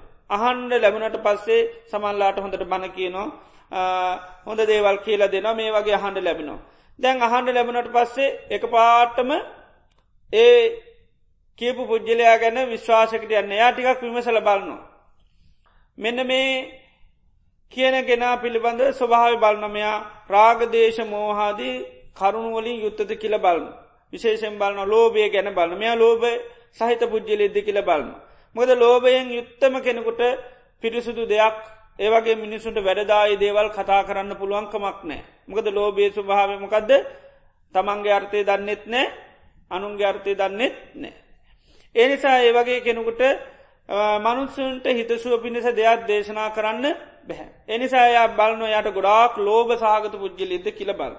බලනකොට යට පේනවා ගොඩාක් ලෝබ තියන කෙනෙක් නෙවේ දේවල් අතහැල්ල ජීවත්වෙන කෙනෙක්. එනිසා ඒවගේ කෙනෙකුට තමයි ඉතාම ගැඹුරු අර්ථ සම්පන්න දේවල් දේශනා කරන්න පුළුව.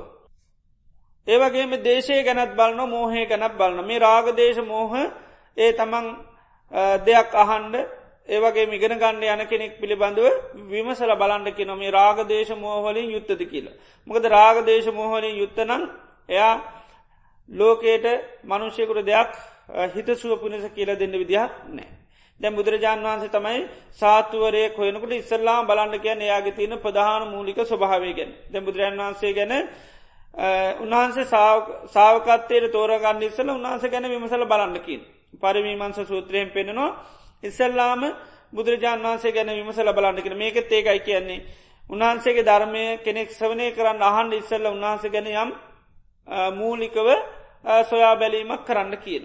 අපි සාමාන්‍ය ජීවිතෙත් එහෙමනි දැන් කෙනෙක්වෙන් දෙයක් ඉගෙන ගන්න යනකට ගුරුවරයෙකුුණත් අනිවාරයෙන් අපේ යා පිළිබඳ යම් පොඩි සෙවීමක් කරනවද නැද්ද කරන. ඒ සෙවීම කරලතම අපි යාගේ ඉගෙන ගන්න. හැබැයි ඉගෙන ගන්න කාලය ආය එයා ගැන හොය හොයඉන්නේ නෑ ඊට පස්ස යා කියන දේවල් පිළිගන්නවද නැද්ද පිළිගන්න ඔය පිළිගන්න පිළි අරං එයා කියන දේවල් කරගෙන යන. හැබැයි මූලිකව අපි කෙනකෙන් දෙයක් ඉගෙන ගන්න යනකොට යා පිළිබඳව යම් සෙවීමක් කරන. ඒවගේ බුදුරන් වන්ස මෙතන පෙන්න්නනවා කෙනෙකුවෙන් දෙයක් ඉගෙන කියයා ගන්න යන්න ඉස්සල් එයා පිළිබඳව මොකක්ද කර ගණ්ඩෝනි යම් විමසිල්ලක් කරන්න කියන. ආන්නේ විමසිල්ල කරනකොට යාර පෙන්න්නනවා එයා පිළි දැබුදුරන් වහන්සේ නම් අපි බුදුරන් වහන්සේගේ ධර්මය උන්වහන්සේ දේශනා කරන මේ ධර්මය බාරගන්නනිස ලබ බුදුරන් වහන්සේ ගැන පොඩි විමශිල්ලක් කරන. එදට අපිට පේන බුදුරන් වහන්සේ තුර රාගදේශමෝහ නෑ. එතර උන්වහන්සේ මේ රාගදේශ මොහෝලින් තොරව ඉතාම පිඩිස චිත සන්තානයක් තුළ ඉඳගෙන තමයි මේ ධර්මය දේශනා කලතින්. මොකද මේ කෙලෙස්තිනකට මිනිසු රවට්ටන්න දේවල් කියන්න පුළුවන් මිනිසු බයගන්නන්න දේවල් කියන්න පුළුවන් ඒ වගේ වෙන්න පුළුවන්. එතරේ කෙලෙස් නැත්තන් එයා ඒ වගේ දෙයක් මනුෂ්‍යයන්ට කරන්නේ නැහැ. එදර බුදුරජාණන් වහන්සේගේ ඒ විදිහේ රාගදේශමෝව නැති කෙනෙක් කියලා දැනගත්තර පස්සේ උන්වහන්සේ කරේමකක් දැතිවෙන්නේ. අත සද්ධන් නිවේසිත් සද්ධාවක් හටගන්න. මකදද පිළිගැනීම කියන එක ඇතිවෙන. එතට සද්ධහ ජාත උපසංකමති එතට සද්ධාව හටගත්තුමකද වෙන්නේ නැවත නැව සැසුරු කරන්නයන් උපසංකමතික නෙලෙමෙනවා. උපසංකමන්තෝ පයුරු පාසති එතටමකද වෙන්නේ ඇසුරු කරනවා. පයුරු පාසන්තෝ සෝතන් ෝදත ඇසුරු කරනකරමකද වෙන්නේ කං යොමු කරනවා. ඊළඟට ඕහිත සෝතෝ දම්මන් සුනාති කං යොමු කරපාමක දෙන්නේ ධර්මය ඇහෙන. ඊට පස්සමකද කරන්නේ සුත්වා දම්මන් දහරේති.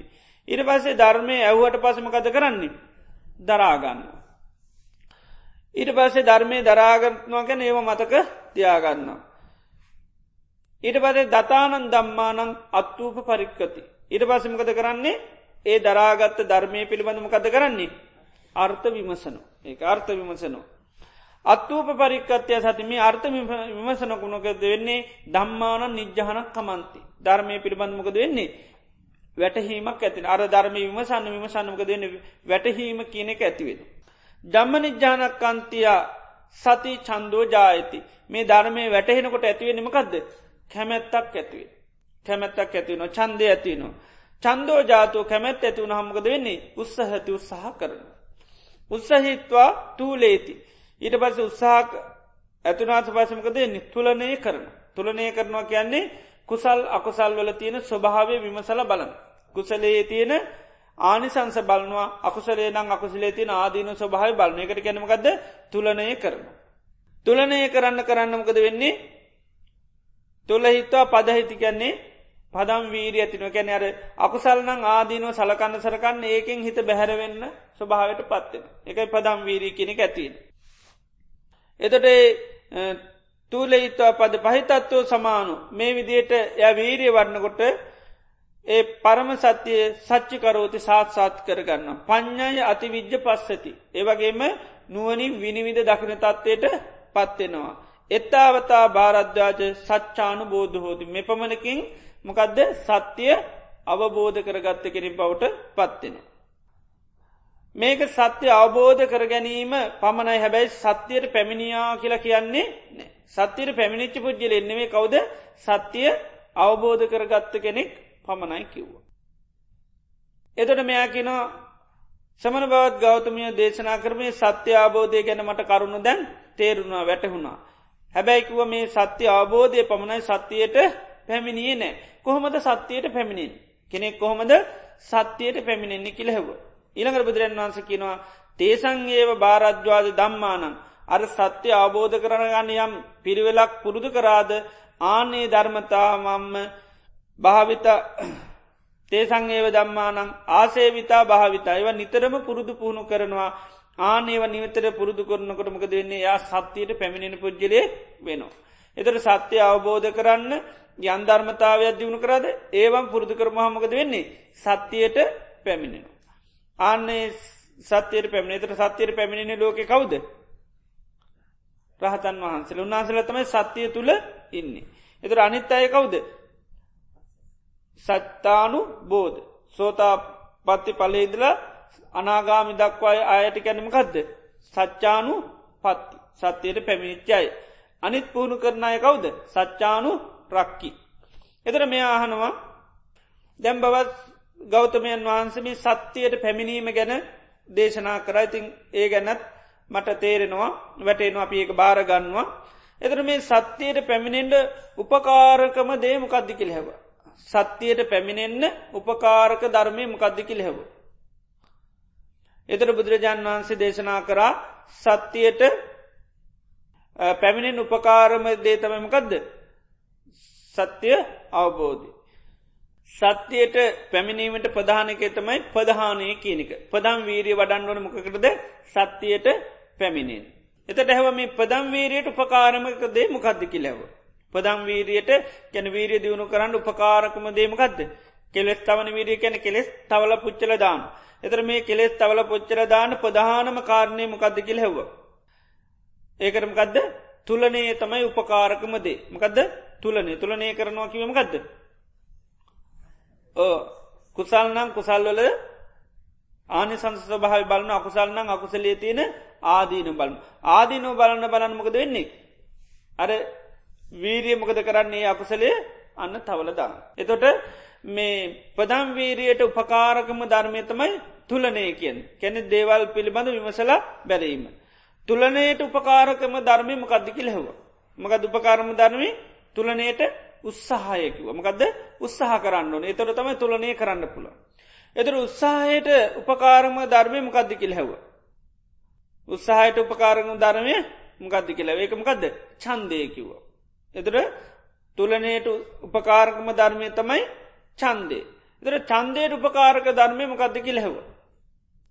චන්දයට උපකාරක ධර්මයමකක්ද ධම්ම නිජ්‍යානක් අන්තිකැන ධර්මය වැටහෙන්ඩු ධර්මය ඇට වැටහුණොත් තමයි කැමැත්ත ඇත්වේ. එතර ධර්මය වැටහීමට තියෙන උපකාරකම ධර්මයම කද්දි කෙලැව. අර්ථ විමසීමකිව අත්තුප පරිකත්‍යය සති දම්මාන නිජ්‍යානක අර්ථ විමසන්ඩුන අර්ථ විමසුවත්තමයි ධර්මය වැටහෙන්. එතර ධර්ම නිජ්‍යානකන්තියට උපකාරකම දේ තමයි මකදද අර්ථ විමසීම. එත අර්ථ විමසීමට උපකාරකම දේ මොකක්දිකිල් හැව. අර්ථ විමසීමට උපකාරකම දේ මකදද. එතරකිවා ධර්මය ධාරණය කර ගැනීම ධර්මය ධාරණය කර හිටියොත්තම අර්ථ විමසන්න පුළුවන්. එතර මේ ධර්මධාරණයට උපකාරකම දේ මොකක්දිකිල් හැව. ධර්මධාරණයට උපකාරමක දේමකක්ද. ධර්මය ඇසීම ධර්මය ඇසීම. එතර ධර්මය ඇසීටම උපකාර ධර්මය මොකක්ද කිව්වා එතට කංයොමු කිරීම කිව්වා කංයොමු කරොත්තමයි ධර්මහෙන් නැත්තම් බනහෙන්නේ නැහැ. එතට කංයොමු කිරීමට උපකාරක ධර්මයමකක්ද. ඇසුරු කිරීම කිය. ඇසුරු කරොත් තමයි කංයොමු කරන්න ඇසුරු කරන්න තන් කංයොමු කරන්න බැහැ. කංයොමු අසුරු කිරීමට තියෙන උපකාරමක දන්න. ඒකට කියනවා පැමිණීම කියන පැමිණුනොත්තම ඇසුරු කරන්න ලැබෙන. දැම් මෙතැට පැමිණුණ හිද තමයි දැම්මේ ඇසුරු කරන්න. ඇසුරු කරන කරමක දෙන්නේ කංයොමු කරම බණ ඇහෙන. ඒවගේම මේ පෞරුපාශනයට උපකාරකම දේමකක්දකෙනවා ඒ උපකාරකම දේ තමයිමකක්ද ශ්‍රද්ධාව. සද්ධාව තිබුණොත් තමයි කෙනෙක් ඇසුරු කරන්න යන්න. නැත්තන් යන්නේ නැහැ කියනවා. එතොට ඒ සද්ධාව ඇතුනාට තමයි සද්ධාජාත උපසංකමති උපසංකමන්තෝ පයුපාස දේවිදියට සත්‍යයට පැමිණෙන්ඩ නම් කෙනෙකුට ආන්න සද්ධාව තමයි මූලික දේ හැටියට බුදුරජාන් වහන්සේ දේශනා කරනවා. එතර මෙයා කියනවා බවත් ගෞතමිය මේ සත්‍ය ආරශ්ා කරන ඇටිත් අපිට කියල දුන්න. ඒකට අපි දැන් බොහෝම කැමති ඒ අපි රුචි කරන අපිට දැම් වැටහෙනු. ඒවගේ ම බෞතුමිය අපිට කියල දුන්නමකක්ද සත්‍යය අවබෝධය දැ ඒකත් අපිට බොහොම කැමතික්කිව්. ඒවගේම සමත් ගෞතමිය අපිට කියල දුන්නමකක්ද සත්‍යය පැමිණීම ගැන සත්‍යයට පැමිණීම ගැනත් කියල දුන්න ඒකත් අපිට බොහොම තේරෙනවා වැටෙනවා අපි ඒකට කැමති. ඒවගේම මේ වට උපකාරක ධර්ම සත්‍යයට උපකාර දේවත් පිළිවෙලින් අහනගිය ඒ පිළිවෙලත් අපිට කියල දුන්න ඒකටත් අපි බොහොම කැමති අපිට වැටහෙනවා. එනිසා සමනවත් ගෞතමයන් මේ දේශනා කරපු දේවල් පිළිබඳුව අපි බොහෝම පැහැදිමට පත්වෙනවා. ඊළඟට මෙයකින මහැම වෝ ගෝතම පුබ්බේ ඒවන් ජානම. අපි ඉස්සර මේන්න මේ විදිර තමයි නිතරම කිව්ව කතා කරේ. කේච මුන්ඩකා සමන. ඔය මුණු මහන මොනවද දන්නේ. ඉබ්බා කාලකන්නේ ඊළඟට කන්න. පව්කාරය. ඊළඟට බන්ධු පාදක් පච්චා බ්‍රහ්මයාගේ යටිපතුලින් ඉපිදිච්චාය ඒ විදිර තමයි අපි කවුරු ගැන්ත කතා කරේ? හාමුදුරුව ගැන කතා කරලා තියෙන්නේ. සමනයන් ගැන කතා කරලා තින්නේ විදියට ඒ අය කොහෙන් දැවිල තියෙන මුකොතෝ ජාත මුයෙන් උපදිච්චාය කවුද බ්‍රාක්්මණය එතට හාමුදුරුවට කොහෙන් දැවිල තින බ්‍රාහ්මණයගේ යටිපතුලෙන් කිව්ව.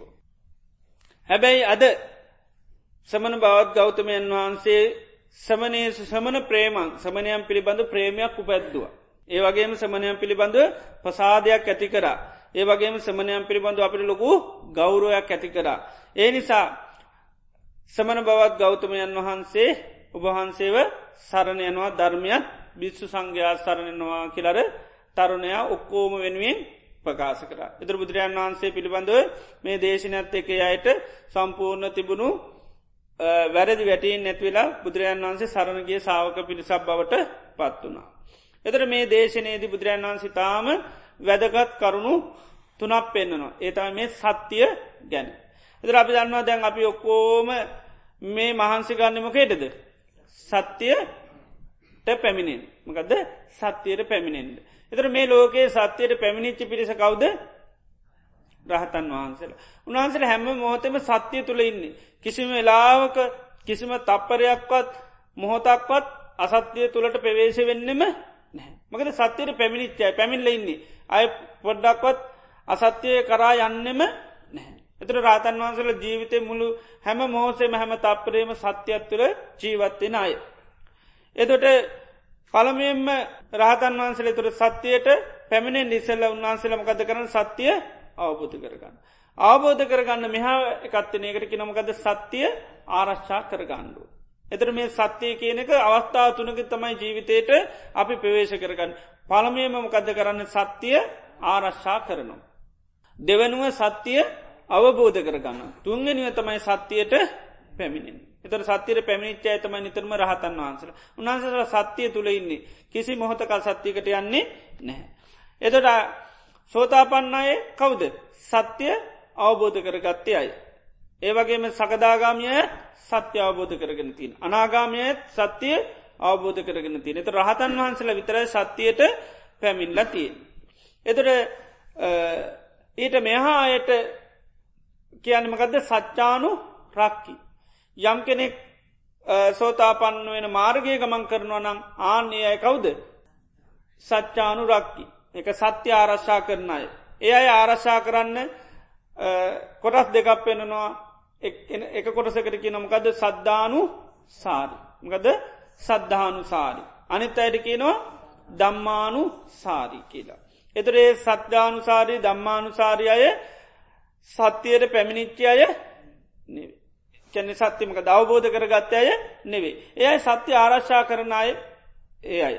ඒ ආරශ්ා කරන්න අර ප්‍රධානම ගන්නවමකක්ද සද්ධාව කියන එක. එකයි සද්ධානු සාරි අනුසාරි කියල කියන පාලි භාෂාවමකක්ද. අනුව යනවා කියලා. එතර බුදුරජාණන් වහන්සේගේ සද්ධාව අනුව තමයි ඒ අය මේ සත්‍යය තුළ ඉන්නේ. එත සත්‍ය ආරශ්ා කරගෙන ඉන්නේ සද්ධාවන් ඒක ඒකටට සද්ධානු සාරී කියල කියනවා. ඉළඟට අනිත් අය දම්මානු සාරී කියල කියන ධර්මය යම් විමසමින් කරු අසමින් ඒ අය ඒ ධර්මය තුළ ගමන්කන එකට කියන දම්මානු සාරී කියලා. එතට මේකේ බුදුරජාණන් වහන්සේ මේ සත්‍යයක් ආරශ්ා කරන්න වැඩ පිළිවෙල කියක් නොද. පහ. ඒ කරුණු පාවසය තමයි සත්‍යයක් ආරශ්ා කරන්න තියෙන. පළවෙනි එක තමයි මොකක්ද සද්ධාව. පළවෙනි එක සද්ධාව. දෙවිනි එක රුචි. අනිත් එක අනුශ්‍රවන. ඊළඟ එක ආකාර පරවිතර්ක. ඊළඟ එක දිට්ටි නිජ්්‍යාන කන්ති. එතොට කෙනෙකුට මේ ලෝකයේ සත්‍යය කෙනදේ ආරශා කරන්න ඕන්නම් පළමීම තියෙන් ඕනිමකක්ද ශ්‍රද්ධාව තියෙන්ඩෝ. හැබැයි සද්ධාවේ මොකද තියෙන විපාක දෙක තියෙන. සද්ධහ විපාක දෙකක් තියෙනවා හරිදේ භාරග පිළිගණ්ඩක් පුළන් වැරදි දෙයක් පිළිගණ්ඩත් පුළුවන්. එනිසා සද්ධාවට පැමිණිච්චි පමණින්ම කෙනෙක් මේක තමයි හරි අනිත්‍යව වැරදිී කියන මතයට යන්නේ එයා කරන්න දෙයක් ආරශ්ා කරගන්න පමණයි. ආරශ්ා කරගන්න තමයි ඒක දේ කරන්නේ නමුත් එයා දන්නවා මේක පත්‍යර්ශයක් නෙවේ. නමුත් ආරශ්ා කරගණ්ඩෝන හිද ඒක පාවිච්චි කර ඒකයි. අපි දේවල් ලෝක ආරශාකන් මොනහරි වැඩ පිළිල කරන ඒ වගේ මේ සත්‍යය කෙනෙක් අපේ හිතෙන් ගිලිහිල්ලා අමතක වෙලා නොයන්ඩ නං අපි මොකක්ද තියෙන් ඩෝනි ශ්‍රද්ධාව තියෙන්නවා. සද්ධාව තිබුණු සත්‍ය අමතක වෙන්නේ නැහැ. එතර බුද්ධ ශාසනය සද්ධාව තෝරණකට කොහොමද කියන්නේ. සද්ධහති තතාගතස්ස බෝධි බුදුරජාණන් වහන්සේගේ අවබෝධය පිළිගැනීමට තමයි සද්ධාව කිය. එතර උන්වහන්සේ අවබෝධය යන්න කෙනෙක් මොකද කරන්නේ භාරගන්න. ඒ භාරගත්ත ගමන් එයාට මොකද වෙන්නේ සත්‍ය අමතක වේද. නැහැ. ඇයි ඒක මොකද වෙන්නේ භාරරන්තියන ආනෙ තොට එයා සත්‍ය ආරශ්ා කරන කෙනෙක් වෙනවා. එනිසා මේ සද්ධාව තියෙනවනන් කෙනෙකුට දේවල් ඒකයි සත්‍යය කෙනෙ අමතක වෙන්නේ නැහැ. එතර සත්‍යය අවබෝධයට යම් වැඩ පිළිවෙලක්යා ගමන් කරන්න ඕන්නගේ වැඩ පිළිව හැමදයාම යාටමක දෙන්නේ මතකයි. දැන් සද්ධාව නැති වනත්මක දෙන්නේ. අමතක වෙලා යන. ඒකයි බුදුරජාන් වහන්සේ මූලිකව මේ සාාවකයන් සද්ධාව කියනක පිහිටුව ගන්න කියන්නේ සද්ධහ පිහිටුව ගත්තොත් තමයි අන්න සත්‍ය ආරශ්ා කරගන්න පුළුවන්කම ලැබෙන්. එනිසා සද්ධානුසාරය අය තෝරණකොටත් කියනවා චක්කුම් භික්කේ අනිච්චම් විපරණා මං්්‍යතාභාවි. මේ ඇස කියන්නමකක්ද අනිත්‍යයයි වෙනස් වෙනවා නැතිවෙල යනවා. යෝ ඉමේ දම්මා සද්ධහති යමෙක් මේක පිළිගන්නවාන. අයන් උච්චති භික්වේ සද්ධානුසාරි අන්නයට තමයි කියැනෙ කවුද සද්ධානුසාරි. එයට කෙන සද්ධානුසාරය කියලා. ඔක්නන්තෝ සම්මත්තනයාම එය ආර්යය මාර්ගයට බැසගත්ත කෙනෙක්. වීතිවන්තෝ පොතජ්ජන මුමු පුහුදුම්බිම ඉක්මවා ගිය කෙනෙක්. ආනයට අභව්‍යය කියන නිරේ ප්‍රේතලෝක යන කර්ම සිද්ධ කර. ඒවගේම සෝතාපත්ති පලයට නොපැමිණ මැරෙනවා කෙනෙක වෙන්නෙත් නැති දෙයක් කිය. එද. එතර මේ සද්ධානුසාරය කෙන දැම් මේ ඇස අනිත්‍යයයි වෙනස් වෙනවා නැතිවෙනවා කියන මේ ස්වභාවේ එයා පත්‍යශ අවබෝධයක් නෙවේ. ඒක ඒක පත්‍යශ අවබෝධයක් නෙවේ. අවබෝධයන්නේ මොකක් දෙක. පිළිගැනීම. අන්නේ පිළිගත්ත නිසා ඇස අනිත්‍යය කියල ආරක්ෂක. එක ඒ ඒ සත්‍යය පිළිබඳ යට අමතක වෙන්නේ නැහැ. එතට ඒ මතකේ තියෙන කාගේ අවබෝධකින්ද. බුදුරන් වහන්සේ අවබෝධය නිසා යන ඒ නිසා ඒ සත්‍යය පිළිබඳයට යම් අවබෝධයක් තේරුම් ගැනීමක් තින හැබැ පත්‍යශ්‍යයක් නෙවේ. එකයි මේ මේ සද්ධාව ගැන සත්‍යය ආරශ්ා කරන දෙයක්. එතර සත්‍යයක් ආරශා කරන සද්ධාව කියන දේට පැමිණෙන්න්න ඕන. ඒ වගේ ධර්මය හැම දෙයක්ම සද්ධාව තියෙනවනං ආන්නයාට ඒව අමතක වෙන්නේ නෑ. සද්ධාව නැතිවුණොත් මොකද වෙන්නේ. ඒ අමතකනවා. එනිසා සද්ධාවට දෙකක් පෙන්න්න නොමකක් දෙක සද්ධාවක් කියනවා ආකාරවති සද්ධ. අනිත්‍යකට කියනවා අමූලිකා සද්ධ මුල් නැති සද්ධහ තියෙනවා. සමාරුන්ග පැන පිළිගැනී මුල් නෑ එතර වෙන්නේ මොකද දවසින් දවස පිළිගැනීම මොකද වෙන්නේ ගිලිහිල්ලා ගිලිහිලා යම්. එතට එක එකන කියන කියන දේවල් පිළිගන්න සිද්ධෙනවා. සමහරුන්ගේ සද්ධහයමනෑ බුදුරන් වහන්සේ යමක් කිවනං ආනේ කාරණය පිළිබඳ හොඳට සද්ධහ පිහිටුව ගන්න. සද්ධහ පිහිටවා ගැනීම මොකක් වගේ කියලද කියන්නේ. ඒසිකාත් තම්බේ වගේ කියෙන එක ගැන නගරේ මායින් කනුවක් වගේ. ඒ කරුණු පිළිබඳ මුල් බැහැගන්න විදියට සද්ධහ පිහිටුව ගන්න. ආන්නේ සද්ධහ පිහිටවාගට පසේ කාටුවත් වෙනස් කරන්න බැහැ. එතුට ආන්නේක යා තුළින් සත්‍යය කියනක අමතක වෙලා යන්නේ නෑ. එක සත්‍ය අමතක වෙන්න සත්‍ය ආරක්ෂා වෙනවා එත ආරක්ෂාවවෙන්න මොකත් තුළින්ද පිළිගැනීම තුළ ඒකයි. පිළිගැනීම තුළ තමයි ඒ සත්‍යය ආරශ්ාවවෙන්න. එතොට අපි මේ පත්‍යශාබෝධයට මෙහා මේ සද්ධාව කියනක අනිවාර්යම අපිට ඕනි මොකේටද සත්‍යය ආරශ්ා කරගන්න. සත්‍ය ආරශා කරගන්න සද්ධාව අනිවාර්යම ඕනි. එතර සද්ධාව තමයි මේ සත්‍යය ආරශ්ාවෙන්. ජාපිකීම දැන් අපිට ගණනක් උගන්නනවා. දැන් කෙනෙක් ගණනක් උගන්නන කොට අපි මුලින්ම මොකක්ද කරන්න ඕනි. ගණන කියනක දැන් අපි අවබෝධ කර ගණ්ඩෝනීක. ඉස්සල්ලාම ගද කරන්න ඕනි අවබෝධ කරගන්නවාද මොකද අවබෝධ කරගන්න එහෙම එක පාට්ටම බෑ මොකක්ද කරන්න ඉස්සල්ලම් පිළිගන්න ආනෙ අපි එක පිළිගන්න. හදන ක්‍රමේ පිළිගන්න පිළිගැනම්ම ගත කරන්න ඉට පස හදනවා. හදනවට ගණන අවබෝධය නොද නැද්ද. අවබෝධයනවා. එතර බාහිර ලෝකයේ දෙයක් වනත් ඒක අධ්‍යාපන මං මුලිමකිවේ දෙයක් කෙනෙකුට අධ්‍යනය කන්න ඉගෙන ගන්න නම් අන්න මේ කරුණු පහතුලට ඇවිල්ල තමයි කරන්න. එතට එයා ඒකට එයා පිළිගත්ත නැත්තං කවදාකොත් ගණන් හදන්න ආනික. ඒගැන ගණන් අවබෝධ කරගත්ත පුද්ජලෙක් වෙන්නේ නෑ ඉති අවබෝධ කරන්න නැතු අන්තර ගණන්දාන්න බැරි වෙන. ඉතිේ නිසා මේ දෙයක් ඒකයි පත්‍යශ්‍ය කරගන්න ඉස්සල්ලා කැන දැන් ගණන් තමන්ගේ අවබෝධයක් කරගන්න පුළුව. නේද. ඇබැයි ඒ අවබෝධය කරගන්න එක පාටම කෙනෙකුට බැහැ.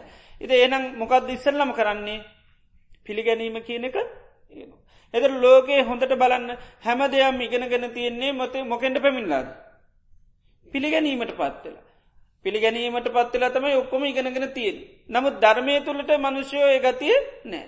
ධර්මය ගැන කියනකොට කොහොමද කියන්නේ. අවබෝධ කරගෙන මිසම් මම් පිළිගන්නේ නෑ. අවබෝධ කරගෙන විසක් පිළිගන්න ඇකිට තමයි කිය. එදර මොකද වෙන්නේ. ඉති කවදාකත්තයට අවබෝධ කරගන්න බෑ ඇයි පිළිගත්තේ නැතිවුණොත් එයට සත්‍ය අමතකෙන. සත්‍ය අමතකෙනවා අමතක වෙලා කොහොමද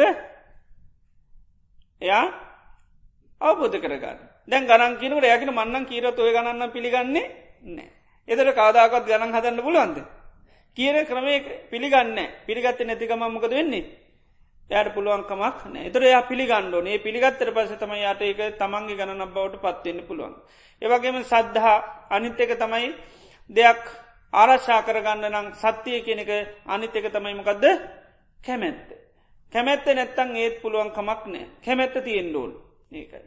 ඒ නිසා නිතරම ඒකයි අර හැම දෙයක් තු පිළිබඳව කැමැත්ත දියුණු කරගන්න කියලා දේශනාකන් දැන් ආනන්ද ස්වාමිනාන්සකින් හනවා ඔබවහන්සේ මහනුනේ මොකටද කියලහන එතර කියරමකටද මහන්නේ?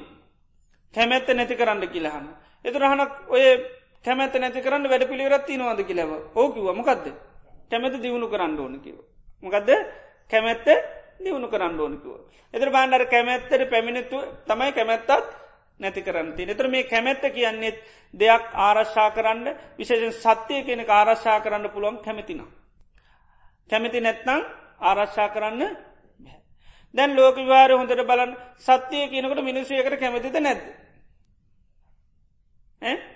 සත්‍යය කතාගනුවට ඒකත කැමතිද නැද්ද.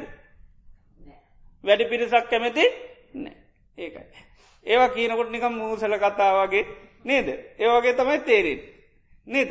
ඒක අර තමන් නිතරම සත්‍යය ආරක්ෂා කරන්න අපි කැමති නෑ. ද අනිත්‍යය ගැන නිතරම කිවොත්තේම මොකද බංකොලොත්තයන වගේ තේරෙන නිසා ඒකට කැමති නේද? එනිස සත්‍යයට ගොඩාක් අපි බැලුවත්තේ හිමීට මොක දෙන්නේ හරි අකමැති ගතියක් තියෙනවා. සත්‍ය එක පාට අපි නිතරම කතා කරන්න කැමැති නැහැ. එතර ඒ කැමැත්ත නැතුනොත්මක දෙන්න සත්‍ය අපෙන් අමතක වෙලයන් ආනක. එනිසාක සත්‍යර කැමති වෙන නේ කැමතියනකට තමයි සත්‍ය අපි නිතරම කතා බහ කරන්න. ඒ කතා කරන්නකට තමයි යන් දවසක අපට සත්‍යය අන්න අවබෝධ කරගන්න පුළුවන්ගෙන. එනිසා සාමාන්‍ය ජීවිතයේ මනුෂ්‍යයන් සත්‍යයට කැමති නෑ. ජීවිතය යථාර්ථය කිව්වොත් කැමති නෑ. යනකොට කෙනෙක ඔයාගේ ඔය ඉතින් අය ඉද දන්නේ නෑකිවොත්තේම ඒකට කැමති නෑ ආනෙකයි කියන්න ඕනිමකක්ද. ආනෙකයි. ආසිරුවාද කරන්න ඕනි නැත්තන් අරම කියනවට කැමති නෑ. එති ඒ නිසා ඒ සත්‍යයට අපි නිතරම හරි අකමැත්තත්ති නිසා අපේ අකමැත්ත කඩන්න මොකද වෙන්නේ. සත්‍යය ගැන කතා කරන්න. එතර සත්‍යයට කැමති එතර තමයි යන්දවසක සත්‍ය අවබෝධ වෙන්න.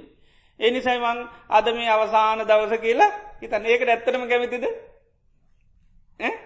දැන් ධර්මය ඉතින් පුරුදු කරනින්ද කැමති. නමුත් ඉත ඇතුළේ නේද? පත්මස්ථාන්න මේ අවසාන මෝද කියල ඉතුවොත්තේ මේ දේවල් කරන්න බැරිවෙයි නේද ඒ වගේ දයනවා. මොකද මේ අවසාන මොහොත කියල හිතුවත් ප්‍රඥාව දියුණුවම සක්ක මෝඩකමක් ඇති වෙන්නේ නෑ. එදර මං එදත් කිවේ අවසාන මොහොත කියලා හිතුවත් අවසාන දවසකිවොත් ඉන්න කාමරය හරි හොඳට සුද්ද කරලා තියාගන්න. නේද. ඊළඟට කළයුතු හොඳමදේ තෝරගෙන කරනු. ඊළඟට කරන්න වෙලාදී අවසාන මොතේ අනුන්ටනම් ඒ අනුට කරන දේත් ගොඩා කරුණාමයිතියෙන් කරලා දෙ නොමකද අවසාන දවස අවසාන දවස උනොත් අපි ඔක්කෝම මීට වැඩි හොඳට අනිවාර්යම කතා බා කිරීමත් හොඳ වේවි වැඩ කරන එකත් හොඳ වේ ඔක්කොම හොඳ වෙනවා ඒ මොකක්වත් අඩුවෙන්නේ නැහැ. ඉති එනිසා නමුත් අපේ සාමාන්‍ය හිත කැමතින ඒ සත්‍යයට ඒකයි. සත්‍යයට රුචි නැහැ. ඒක ඒ සත්‍යයට රුචි වෙන්ඩෝ එතුර තමයි යම් දවසක සත්‍යය කියන අපිට අවබෝධ වෙන්න පුළුව. ඒකයි බුදුරජන් වන්සේ කාලේ සත්‍යය නිතර මොකද කරන්නේ. කතා බහ කරනවා. ඒකට සත්‍යය වහන්ඩ යන්නේ නැහැ. ඉතිේ නිසා අපි නිතරම සත්‍යය ඉස්මතු කරල ගණ්ඩෝඩි ගමනක් යනකොට සත්‍ය ප්‍රකාශ කරන්න ම මේ ගිල්ලෙනකං අයි විශ්වාස නැහැ. එහෙම කියනවට කැමති නෑ ද මං එනකොට ගොඩාකායට කියන ඔක්කොම කැමිතින ඒකට. මංකිවා අනිත්‍ය සංඥාව හරි වඩල පොඩ්ඩක් ආශිරවාද කරන්න කිව. එතකට පොඩ්ඩක් කැමති. මකෝ ගැන හිතන්න ගිල් එනකන්නම් විශ්වාසනෑ මන්දැම් මේක හිතුව සත්‍යයක් ඒ සත්‍ය අනුභ බලෙන් ගිල්ලෙන්ඩ ලැබේ වකිල පාර්ථනා කරන්න කිය. ඒ තරමට මක දෙන්නේ. ඒම කිවත් කැමති නෑ මොක අපි උනත් ඔබහන්සේ ලට්නන් එම වෙන්න කියල තමයි කියන්න. නේද. අපි අපිට එහෙමුණත් ඔබහන්සේ ලට්නගනේ දෙයන්ගේ පිටිං හරි එහෙම වෙන්නේ නැහැ ආන්නේකයි. එතර ඒක කියවගණ්ඩ හරි අමාරු. ඒකයි. සමහරය හොල්ලන්නේවත් නෑ කට කිව්වාම්. හරිම බයයි ආන්නේකයි. ඉති ඒවගේ ස්වභාවයක් ලෝක අපිට තියෙන නිසා එකයි මේ සත්‍යය කියනකට ඒක අපි කැමතින කැමැත්ත තිබුණොත්තම යම් දවසක සත්‍යය අවබෝධ වෙන්නේ. එනිසා සත්‍යය කතා කරන්න කවුරුත් අකමැති වෙන්න එපා. පුළුවන්තරන් කැමතිවෙන්ේ කැමති වෙන තරමට සත්‍ය අවබෝධ කරගන්න පුළුවන්. එනිසා ලෝකයේ දේකට අපි කැමති උනොත්තමයි අපි ඒ දේවල් කරන්න. අපේ චන්දය ගත්තොත්තෙම ඉතාම ලපටිව තියෙන්. ඒකන අපේ ජීවිත අනිදේවල් ගොඩා කැමතිච්චිකම් මේවා අතහරිනවා. දැමං ගොඩාකයි බලුවම් බල්ලො නිසාතම ඇවිල්ල නැත්තේ. දන්න අයකින් හැව මොක දෙන්න ඇත්ත බල්ලෙක්කින්න ඉති බල්ලට තමයි වැඩිපුර කැමති. එනිසා එන්ඩ විදිහ නෑ ආනක. එතර පේනවන වැඩි? නේද. එතොට අර චන්දයගේ හැටි. කැමති දේ වැඩි බල්ලට. ඉතින් බල්ල ආරසා කරන එක තම වැඩි කැමැත්ත. ආන්නේකයි. ඉතින් ඌ ගැන තම හිතන් ූට කණ්ඩ නැතිවෙයි ඉත වෙන තැන්වලට දැම්මුත් ලෙඩ බෝවෙයි ඉත ඕගේ ගොඩෝ දේවල්. ඉත පසෙත් බල්ල නිසාමොකද වෙන්නේ. ධර්මයට එන්න විදිහ නෑ ඒ වගේ බාධ. ආන්නේකයි. ඉති ඒ ඒකයි ඒ ඒක ඇතුළෙ තියෙනමකද චන්දය අඩුකම. සත්‍යයට අපි තාම කැමති නෑ ආනක සත්‍යයට කැමති නැති ගතිය තිය ඒ සතමයි ඒ අභියෝග කඩාගෙන එන්න බැරි. කැමැත්ත තිබුණ නමක දෙන්න චන්දය කියනමකක්ද ඉරදි පාදයක්. ඒ ඉරදි පාද ඉර්ද කැනෙ කරන්න බැරි ඕන දෙයක් කරලා පෙන්න්න පුළන් චන්දයක නිර්දි පාදයක්.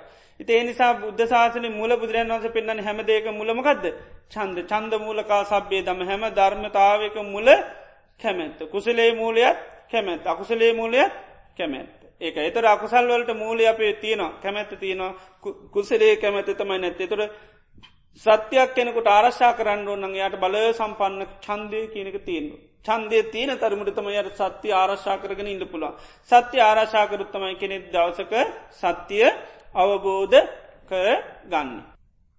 අනිත් එකමකදද අනුස්ත්‍රවනී. එතර මේ දේවල් නැවත නැවත අහනුවනන් ඒත් අමතක වෙන්නේ නැහැ.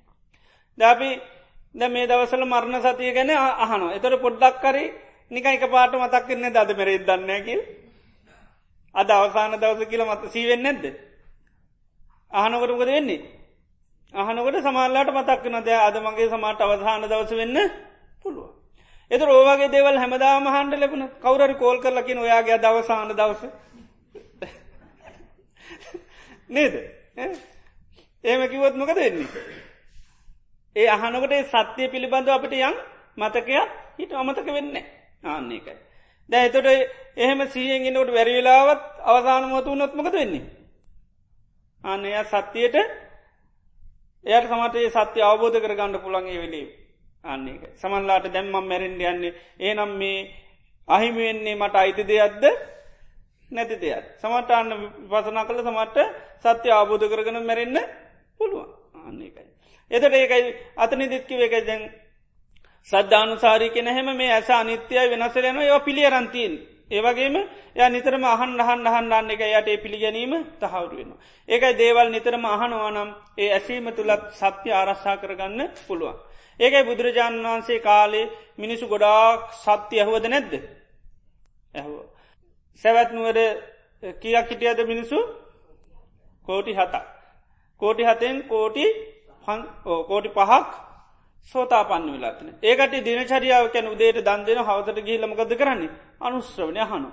එ බුදුරන් වහන්ස නිතරමඉතින් මේ දේවල් පිළිබඳ යථා ස්වභාව සත්‍යය ප්‍රකාශ කරන සත්‍යය ප්‍රකාශ කරන්න කරන්න එකට සත්‍ය අමතක වෙන්නේ නැහැ. එක ඇසීම තුළත් ඒකයි සත්‍ය ආරක්ෂා කරගන්න පුළුවන්. එද අසත්‍යය ආරච්චා කරන්නත් මොකක්ද කරන්න ඕන් පුළුවන්තරන් අහන්ඩෝන් දැ වෙල දැන් නීන් දාන්නමකටද මිනිස්සුන්ට කනගොන දේවල් අමතක වෙනවා. රසම කෑම මොකද වෙන්නේ අමත කලා මේ වැරදි කෑම කනවා. ඉති ඒ නිසමකද කරන්නේ. හොඳ කෑම වර්ණා කරනවා. නේද නොද කෑම් පුළුවන්තර වර්ණා කරන එතුර මිනිසුන්ටමක දෙන්නේ. ආනීට පස්ස හන්ඩ හන්ඩ හන්ඩ ආන්න අමතක වෙන්නේ නෑ පුස්සිටියකට ලංකාන පුසිරන්නේ නේද මේ කෝස්ද මන්දන්නේ කොයර යනකට පේන්නේ මනවද අර ප්‍රාක්්‍ය අස්වයෙන් පේන්නේ අර වර්ණා කරපුදේ අමතක වෙන්න ආන්න ඒකයි අරක කණ්ඩකියුගන් ඒක තමයි කණ්ඩම දක්වෙන් ඉති ඒක මොකෙන්ද ඇති වුණේ ඇහුව නැත්තන් ඒක වෙයිද? නෑ ඒක අනුස්ත්‍රවනි ඒකයි ලෝක එකයි ලෝක අසත්‍යය පවත්තන්න ඔය පහම පාච කරනවාද නැද්ද? අසත්‍ය පාචිකන්න ඔය පහම දියුණු කරනවා. ඉදේ නිසා තමයි මිනිසුට මොකක්වත් අමතක වෙන්නේ නැහැ. ඉතින් කෙනෙකුට අප්‍රසාධයක් ඇති කරන්නඩුවන් මකක්ද කරන්නේ. අප්‍රසාදයට අමතක වෙන අපි මොකක්ද කරන්නේ. පුළුවන්තරම් හැවෙලේම නේද එයාගේ ඇති මෙහෙම තමයි එයා ගැටි මෙහෙම තමයි මොනරි වැඩක් කර එයත් ඒක කරනවා කික හැම්වෙලේ මොකද කරන්නේ. අන්න අස්වසවන අස්වසනකට මොකද වෙන්නේ. අර කැමැත්ත ආන තිබනං ඒවා ඔක්කෝම නැතිවල එතර මේ ඇසීම තුළ ඒකයි අර පුද්ජලිකු අපසාදයට ඕන්න කරම් පත් කරන්න පුළුවන් ඒකයි අප පුළුවන්තරන් ඔය ඉතින් එක තුනා මනුන්ගේ අඩු පාඩු කතා කරන්නේ ඒකයි අපි තරාකාරයකිනම් පුළුවන්තරන් අගුණ කියන්නේ ඒකයි. එතරේ අනුශ්‍රමය තුළ මිනිස්සුන්ට දේවල් අමතක වෙන්නේ නෑ. නිතර මතක් කරලා දෙන තර මතක් කරලා දෙන්න මේ අනුශ්‍රවණය කරන එක අනුශ්‍රවණය කරොත් ඒ දේවල් අමතක වෙන්න. එතර මේ අසත්‍යය අපිට සංසාරය අමතක වෙන්න ඇත්තැයි. අපි හනවා දැන් රූප දැක්කාම එක පාට අමතකෙනවා දල්ලගන්න.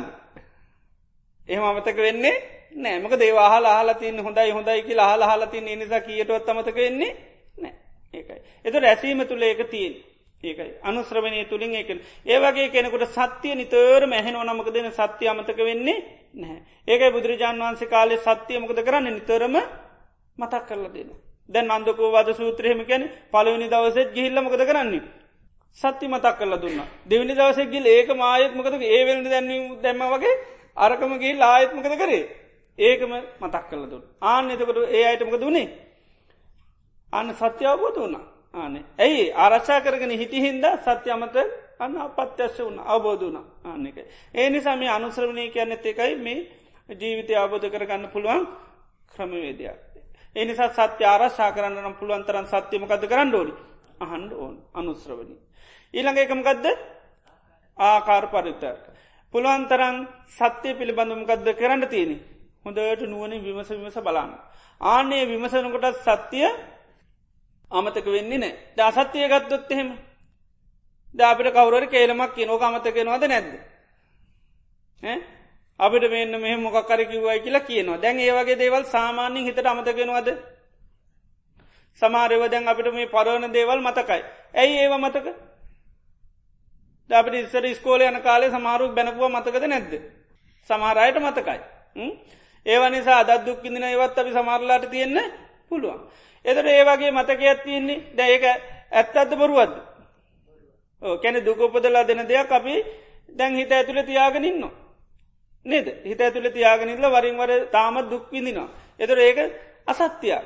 ඒකයි අපි අසත්‍යය කියනමක දුකපදලා දෙන දෙයක් අපිට සුක සංඥාවෙන් අපි පරිහරණය කරනවා. කම්පාාවෙනවා පදු තැවෙනවා හඬනවා වැලපෙන ඔක්කම කරන. එතුර ඒක ඒ ස්වභාවෙන් අපේ මනසේ තාම අමතක නොවෙලා තියෙන මොකක් නිසාද. ආනක නිතරම් මනස කරිතු උයන පියන ගමන් පොල් ගානගම් පොළුත් කටේ දාගෙන ඕමතක් කරන. හාල් ගන්න ගම හාල්ටිකක් කටේ දාගෙන සමල්ලාට තිම පරණ සිද්ධිමකද කරන්නේ. ආය අනු මට මෙහෙම කිව්ව අරහෙම කිව්ව කිය කිය නේද. ඉති ගොව ගැන කල්පනා කරන්න කරන්නමකද වෙන්නේ? අමතක වෙන්නේ නෑ. දැයි අහප වෙලාම අපි සුතේ සුතමත්තන්කි ලැතැරියන මකද වෙන්නේ. ඒනම් මතක නෑ බනහනවගේ බනහවට පස ගොඩක් මිනිසු කරන්නකද සුතේ සුත මත්තන් ඇවුත් නේද? ඇව්වා එතකට ඒකයි ඒවා මතක නෑ ආන්නකයි එතු මොකද ගැන අහපු දේවල් ඒවා පිළිගන්න එපාගෙන මත නින්න මොකද බුදු හාමුදුරුවකිවත් පිළිගන්න එපා. එහෙම මත මිනිසුන්ට තියෙනවා. කාලකාරාම සූත්‍රය තරන් කියන්නේ බුදු හාමුදුරුවකිවත් පිළිගන්න පා කියල. ඉති දැන් අපි බණ කියල කියන්නේ කාගේ වද බුදුරන්සේ ධර්මි එතට ඒවත් පිළිගන්න පාගකම් මක දෙන්නේ ඒවා සුතේ සුතමත්තන් පමයි ඒවා ගිල්ලක් යන ගමන් ඒව සීකර කර යන්නේ නෑ හැබැයි අරවගේ දෙයක් වුණොත් ඒකමකද කරන්නේ? අහපු වෙලේ ඉඳලමකද කරන්නේ අපි ඒක එන්න කල්පනා කරන ආන්නේ කල්පනා කරනින් දේ අසත්‍ය අපිට කියටවත් අමතක වෙන්නේ ආන්නේක. එතර ඒ අසත්‍යය කියනක සම්පූර්ණ අපේ මනස තුළ තියෙන්නේ අපි මේ මොකක්කන්න හින්දද මනස කාර කරන්න මෙනේ කරන නිසා ඒවා අමතක වෙන්නේ නෑ. ඒවගේම තමයි සත්‍යයක් කෙනෙක් නිතරම අන්න ආකාර පරිමිතර්ග කියලා කියැන කරුණු විමසල බලන ආන්නේ බලන්න බලන්නමකද වෙන්නේ. එයාට ඒ පිළිබඳ මොකක් දැතුවේ නර මේකෙත් කිවේ වැටහීමක් ඇතිවන වැටහීමක් ඇතිවනකට මොකද වෙන්නේ? කැමැත්ත ඇතුන කැමති වුණොත් ආය කියටවත් අමතක වෙන්නේ ඉති එනිසා මේ කරුණු විමසීම කියන්නෙත් අන්න එක ආකාර පරිවිතර්ක කරොත් දේවල් අමතක වෙන්නේ නෑ සත්‍ය අමතක වෙන්නේ නෑ. අනිත් එක මොකක්ද දිට්ටි නිජ්ජහනක් කන්ති. දිට්ටි කියන්නේ අදහස් මතවාදවලට. දිට්ටි කෙනෙක වචන ගොඩක් පොස්ස මෙම කරන මෙතන කියන්නේ කරුණුවලට කියන දිට්ටි කියලා ගද කරුණු. නිජ්ජහන කියල කියන්නේ විමසනවා. නිජ්ජහන කියන්නේ විමසනවා. කන්ති කියන්නේ වැටහීම කන්ති කියල බාලි භාෂාවෙන් ඉවසීමටත් කන්ති කියනවා වැටහීමටත් කන්තිකෙන මෙතන කියනම ගදද වැටහීම. එතර දිට්ටි නිජ්ජහනක් කන්ති කියැනෙ කරුණු විමසලා ඇතිකරගත් වැටහීම. ඒ ඒක අවබෝධයක් නේමකක්ද වැට යම අපි ගැන මට දැන් ටික ටික වැටහෙනවා කියලක නේ දැන්නම් දුක වැටහෙනවා කියලා කියන්නේ නේද දැන් ටික ටික දුක වැටහෙනවා. ඒ වැටහිච්චි නිසාමකද වෙන්නේ. දුක අවබෝධ කරගන්න ඕනි කියන්න මගට දැන් ඇවිල්ල තිනේ මොකකින්දද වැට හිච්චි නිසා. එතර දුක කියන්නේ සත්‍යයක්ද සත්‍යයක්ද. සත්‍යයක්. අන්නේ සත්‍යය දැන් වැටහිච්චි නිසාන්න අවබෝධ කරගන්න ප්‍රවේශ වෙලා ඉන්න. එතර ඒක ඇතිවුණීමකක්ද. අර අපි කරුණු විමසනකට අපිට ටික ටික තේරුණ ආනක. එතන මේ දිට්ටි නිජ්ජහනක් අන්තිකැන්නේ කරුණු විමසලා ඇති කරගන්න වැටහීම. ඒකත් පත්‍යක්ෂයක් නවේ. අපි මිනි සමහරු ගැනත් කියන මටනන් දැන් ටිකක් වැටහිලා තියෙන්නේ මොකද පොඩ්ඩ පොඩ කරුණු බලනකොට අර හොඳයි කියපු ගතිගුණ මුකුත් දැම් පේන්නේ නෑ එතර අපි කියන දැන්නම් මට ටිකක් වැටහිලා තින් වැටහිච්චි නිසාමක දෙන්නේ ඉස්සර තිබුණ වගේ දැන් ඇසුරු කරන්න යන්නේ නෑ එතට සාමාන්‍ය දේකුත් ඒකයි වැටහිම තුළ තමයි තිය. එතර සමාර දේවල් බඩු වනත් කියන දැම්මට වැටවුණ එනිසා මාත්‍යතුව ඒක ගණ්ඩ කියලා. වැටවුනොත්මක දෙන්නේ. තේරුම් ගියොත් හොඳයි කියලා අන්න තමුත් ගණ්ඩයන්. හිත ඒවගේ මේ සත්‍ය ආනශ්ා කරන තියෙන තා වැඩ පිළිවෙලම්මකක්ද මේ දිට්ටි නිජ්ජානක් කන්ති. ඒ ඇනමකක්ද කරුණු විමසා ඇතිකරගත් වැටහීම. එතර මෙන්න මේ පහෙන් තමයි කෙනෙකුට සත්‍යයක් ආරච්චා කරන්න තියෙන්. එතර මේ පහ ඔස්සේ ගිහිල්ල තමයිමකක්ද සත්‍යය යම් දවසක අවබෝධ වෙන්. එතර බුදුරජාන් වන්ස මේක පෙන්න්න එකක් කරම් ඒ තමයි සද්ධාව. අන්න සද්ධහා වැරම් කෙනෙක් අවබෝධය කරය ඉතුරු ටික මැද තියෙනු. ඉතුරු ටික මැද තිනවා. මුලින්ම කැනමකද සද්ධහාජාතෝ උපසං කමති. කෙනෙකුට පිළිගැනීමක් ඇතිවුණොත් මේ සත්‍යය පිළිබඳව මොකද වෙන්නේ. එයා ඒ සත්‍යය අන්න දැනගන්න මොකද කරන්නේ. ආන්න ඇසුර සද්ධහජාත උපසංකමති ගැන්නේ එක එළඹෙනවා. උපසංකමන්තෝ මොකද කරන්නේ. පයුරු පාසති පයිරු පාසති ගැන් ඇසුරු කරනවා. පයුරු පාසන්තෝ මොකද වෙන්නේ. සෝතන් ඕදහති මොකද කරන්නේ කං යොමු කරන ඇසරු කරනකට නිතරම මොක දැසරු කරන්නේ නාය මොනවද කියන්නේ බණ කියන්නේ එතෝට මොකද වෙන්නේ කං යොමු කරනවා කංයොමක මේ ඇසු කරන්න අපන් කංයොම කංගෙනුවම් පැසමක දෙන්නේ ඇහෙන්නෙමනවද බන්න අන්න සෝතන් ෝද මොකද වෙන්නේ ධර්මය හැනවා. ඇහුවට පස්සේ යාමකද කරන්නේ ධර්මය අන්න මතක තියාගන්න. මොකද කරන්නේ මතක තියාගන්න. අන්න ධර්මය මතක තියාගත්තර පස එයා ඊට පසේ කරන්නමකක්ද. අර්ථ විමසනවා. අත්තූප පරිකත්තියකෙන අර්ථ විමසනවා. ආන්නේ අර්ථ විමසීම තමයි මකක් දර ආකාර හර විතර්ක. ආර්ථ විමසනකොට මකක්ද වෙන්නේ. අන්න දම්මානන් නිජ්ජහන කමන්ති. මකද ධර්මය වැටහෙනවා. ඒ වැටහුණ මකක්ද අර්ථ විමසනකොට ඒකයි කරුණු විමසන ටාන ඒක තමයි දම්ම නිජ්‍යානක් කමන්ති කැනෙක විමසා ඇති කරගත් වැටහීම. ඒ වැටහෙනකොටමකද වෙන්නේ. චන්දෝ ජායතමක දැතිවෙන්නේ කැමැත් ඇති රුචි ඇතිවෙන. චන්දෝ ජාති කැමැත් ඇති වුණට පසමකද වෙන්නේ. උත්සාහ කරන. උත්සාහ කරනට ආයත්මකද කරන්නේ. උත්සාහති තුළ ඇති තුළ ඇති කැන ආයත් තුළනය කරනවා කැනර කුසල්ල කුසල් විමසල බලන්න බලන්නකොටමකද වෙන්නේ අන්න පදම් වීරිය ඇතිවෙන. එදර ආනේ පැදම් වීරිය ඇතිවෙනකොටමකද වෙන්නේ අර අකුසලේ ප්‍රහණය කොල්ල කුසලේට පැන ඒක තමයි අන්න පත්‍යක්ෂ වසයෙන් ඒ ධර්මය අවබෝධ කරනවා පඤ්ඥායි අතිවිද්‍ය පස්සති කියනවා. අරවිදියට තුලනය කරන්න කරන්න යාටමකද වෙන්නේ. දේවල්ල තියෙන යථාස භාවය හොඳට විනිද පේනවා. අකුසල් ගත්තුත් එම සෝතා පන්න වෙනකොට අකුසල් පිළිබඳ අවද අකුසලංච පජානාති අකුසල මූලංච පජාන. එතට ඒක වෙන්නමක දරයේ අකුසල් වල තියෙන ආදීන ස්වභහ විමසනවා. බලනකොටමක දෙන්නේ අකුසලේ පිළිබඳ අවබෝධනමක හැටිද. දුකක් කිය. අකුසල් දුකක් හැටිට අවබෝධ කරන. ඒ නිසා තමයි සෝතා පන්නුනාට පස්සයා ඒ ලාමක අකුසල් කරන්නේ නැහැ. ඒ නොකරන්නේ සමයා සතරපාය උපදින්නේ නෑ ඒක සතරපාය නිදහස්වන කෙනෙක් වෙනවා. එතට මේක ඒකයි බුදුරන් වන්සේ සත්‍යය අවබෝධ කරගන්න ප්‍රධානම තියෙන් ඕන එකයි සද්ධාව සද්ධාව තිබුණු තම ඒ කරා යන්න. ඒ ඒ කරා යකොට ඔයා කරුණු පහතමයි ඒ ඇතුළේ තියෙන්. එතර මුල්ම කිවීමකක්ද සද්ධාව තිබුණොත් ඇසුරු කරන ඇසුරු කරපුහාම මක දෙන ධර්මය හැනවා ධර්ම කංයම කරනවා බණහැනවා බණ අහගෙන ගිහිල්ලමකොද කරන්නේ. ඕ අර්ථ විමසන අත්තුූප පරිකත් ඒකට තමර ආකාර පරිතර්ක කියන ආකාර පරිතකයන් කරුණු විමසන. තොරමකද වෙන්නේ.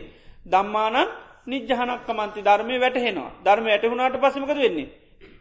චන්දෝජා ඇති කැමැත් ඇතිවෙන තේරෙන් තේරෙන්ට තේරෙන්න්න මොකක් ඇතිවෙන්නේ චන්දේ වැඩි වෙන චන්දේ වැඩිවෙන්ට වැඩෙන්න්න මොකද වෙන්නේ? උත්සාහය වැඩි වෙන උත්සාහ කරන්න කරන්න මොකද කරන්නේය තව තවත් ඒව පිල්බද තුලනය කරන තුලනය කරනවා කියන්නේ අර ආදින බල පංචපාදානස්කන්දේ නම් ඒක ආදින බලන අනිත්‍ය වසින් දුකක් හැටිට ගඩුවක් හැටිට තුවාලයක් හැටිට අනුන් සතු දෙයක් හැටිට අන්න විමසල විමසල බලන තුලනය කරන්න කරන්න කරන්න මොකද වෙන්නේ?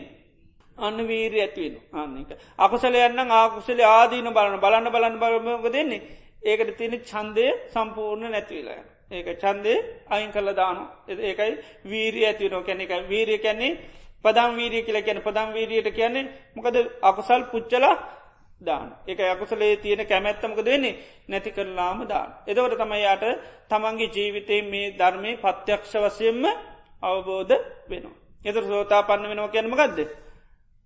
අන්න පත්‍යශ්‍ය අවබෝධය සෝතා පන්න කෙනන්න සද්ධාව නිසාම නෙවේ. රුචිය නිසාම නෙවේ. කරුණු විමසූ නිසාම නෙවේ. වැටහෙම නිසාම නෙවේ. මකදද ජානාමි පස්සාමි. මකදද? දන්නා දකිනා කෙනෙ බවට පත්වෙන. එතොට සෝතාපන්නයි සත්‍ය අවබෝධ කරගෙන විතරයි. හැබැයි සත්‍යයට සම්පූර්ණ පැමිණිල නෑ එතර සත්‍යයට පැමිණෙන්ඩත් කරන්න ඕනම කක්ද ඒත් අර ඔය පිළිවෙලම තමයි. ඔය පිළිවෙලම කරපගන්තන් සත්‍යය යම් දවසක අවබෝධ වෙන්නේ. තො රහතන් වහන්සේල සත්‍ය අවබෝධ කරගෙන තියෙන. තොර දවසා රහතන් වහන්සේ නමක්ගෙන් තව ස්වාමින්වහන්ස නමක් අහනවා. මූසිල කියලා ස්වාමින්වහන්ස නමක්ගෙන් මේ ජාතිපච්චයා ජරාමරණ කැනෙ මේ ජරාමරණ මොක ප්‍රත්තියෙන්ද ජාතිපච්චයා. මෙන්න මේක සද්ධහවෙන්ද බොහන්සේ පිළිගන්න. කැමැත්ත නිසාද පිළිගන්න. එම නැත්තං ඇසූ නිසාද. එහම නැත්තං කරුණු විමසවිප නිසාද එම නැත්තම් විමසා ඇතිකරගත් වැටහිම නිසාද මේ ජරාමරණ මොන ප්‍රත්තියෙන්ද ජාති පච්චයා කියන. එතර උන්වහන්සකිව මම සද්ධාව බුදුරන් වහන්සේ පිළිබඳව සද්ධාව නිසාත් නෙවේ. එහෙම නැත්තම් මගේ ඒ පිළිබඳමට කැමැත්ත නිසාත් නෙවේ. ඊළඟට ඇසූ නිසාත් නෙවේ. ඒ වගේම කරුණු විමසූ නිසාත් නෙවේ ඒ වගේම විමසාතිකරත් වැටහීම නිසාත්නවේ ජානාමි පස්සාන් මොකදද දන්නවා දකිනවා. අන්න දන්නා දකි නොමකදද. ජාතිපච්චයා ජරාමරණන් කියන. ඔය විදිට පරිචු සම්පාද මහනයන් පරි සම්පාදම අහනයනවා.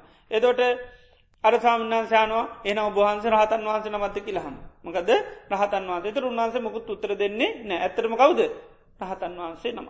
ඉළඟට තව සාමන් වහන්සේ නාරද කලින් උන්වහන්සේ ගෙමුත් අහන උන්හන්සේ ඒ විදියට මුත්තර දීගෙන යන. එතරහන උන්වහන්සේගෙන් හන ඔබහන්සෙත් එන රහත්ද කියලා. එතර උන්වහන්සේ එක පාට උත්තර දෙන්න ඇතු කියනවා කෙනෙක් පිපාසිතුව පැන් හොයාගෙනනවා පැන් හොයාගෙන යනකොටමක දෙන්නේ. නිදක් හම්බෙන. නිදක් හැම්බිල වතුර දැක්කගාමක දෙන්නේ.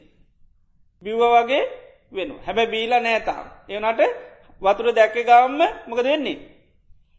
වතුර දැකගාම්ම එයට නිකම් පිපාස නිවෙන තත්වට පත්‍ර හැබැයි හරියටම බීල නිවුණා ආනෙක ආන්නේ වගේ කිවා උන්වහන්සේ මේ සත්‍ය අවබෝධ කරගෙන කියනවා මම තාම මේකට පැමිණිච්චි කෙනෙක් නෙවේ වතුරු බීපු කෙනෙක් නෙවේ වතුර දැක්කා පමණයි. දැක්ක පමණින් පිපාස නිවෙනවාද නැද්ද?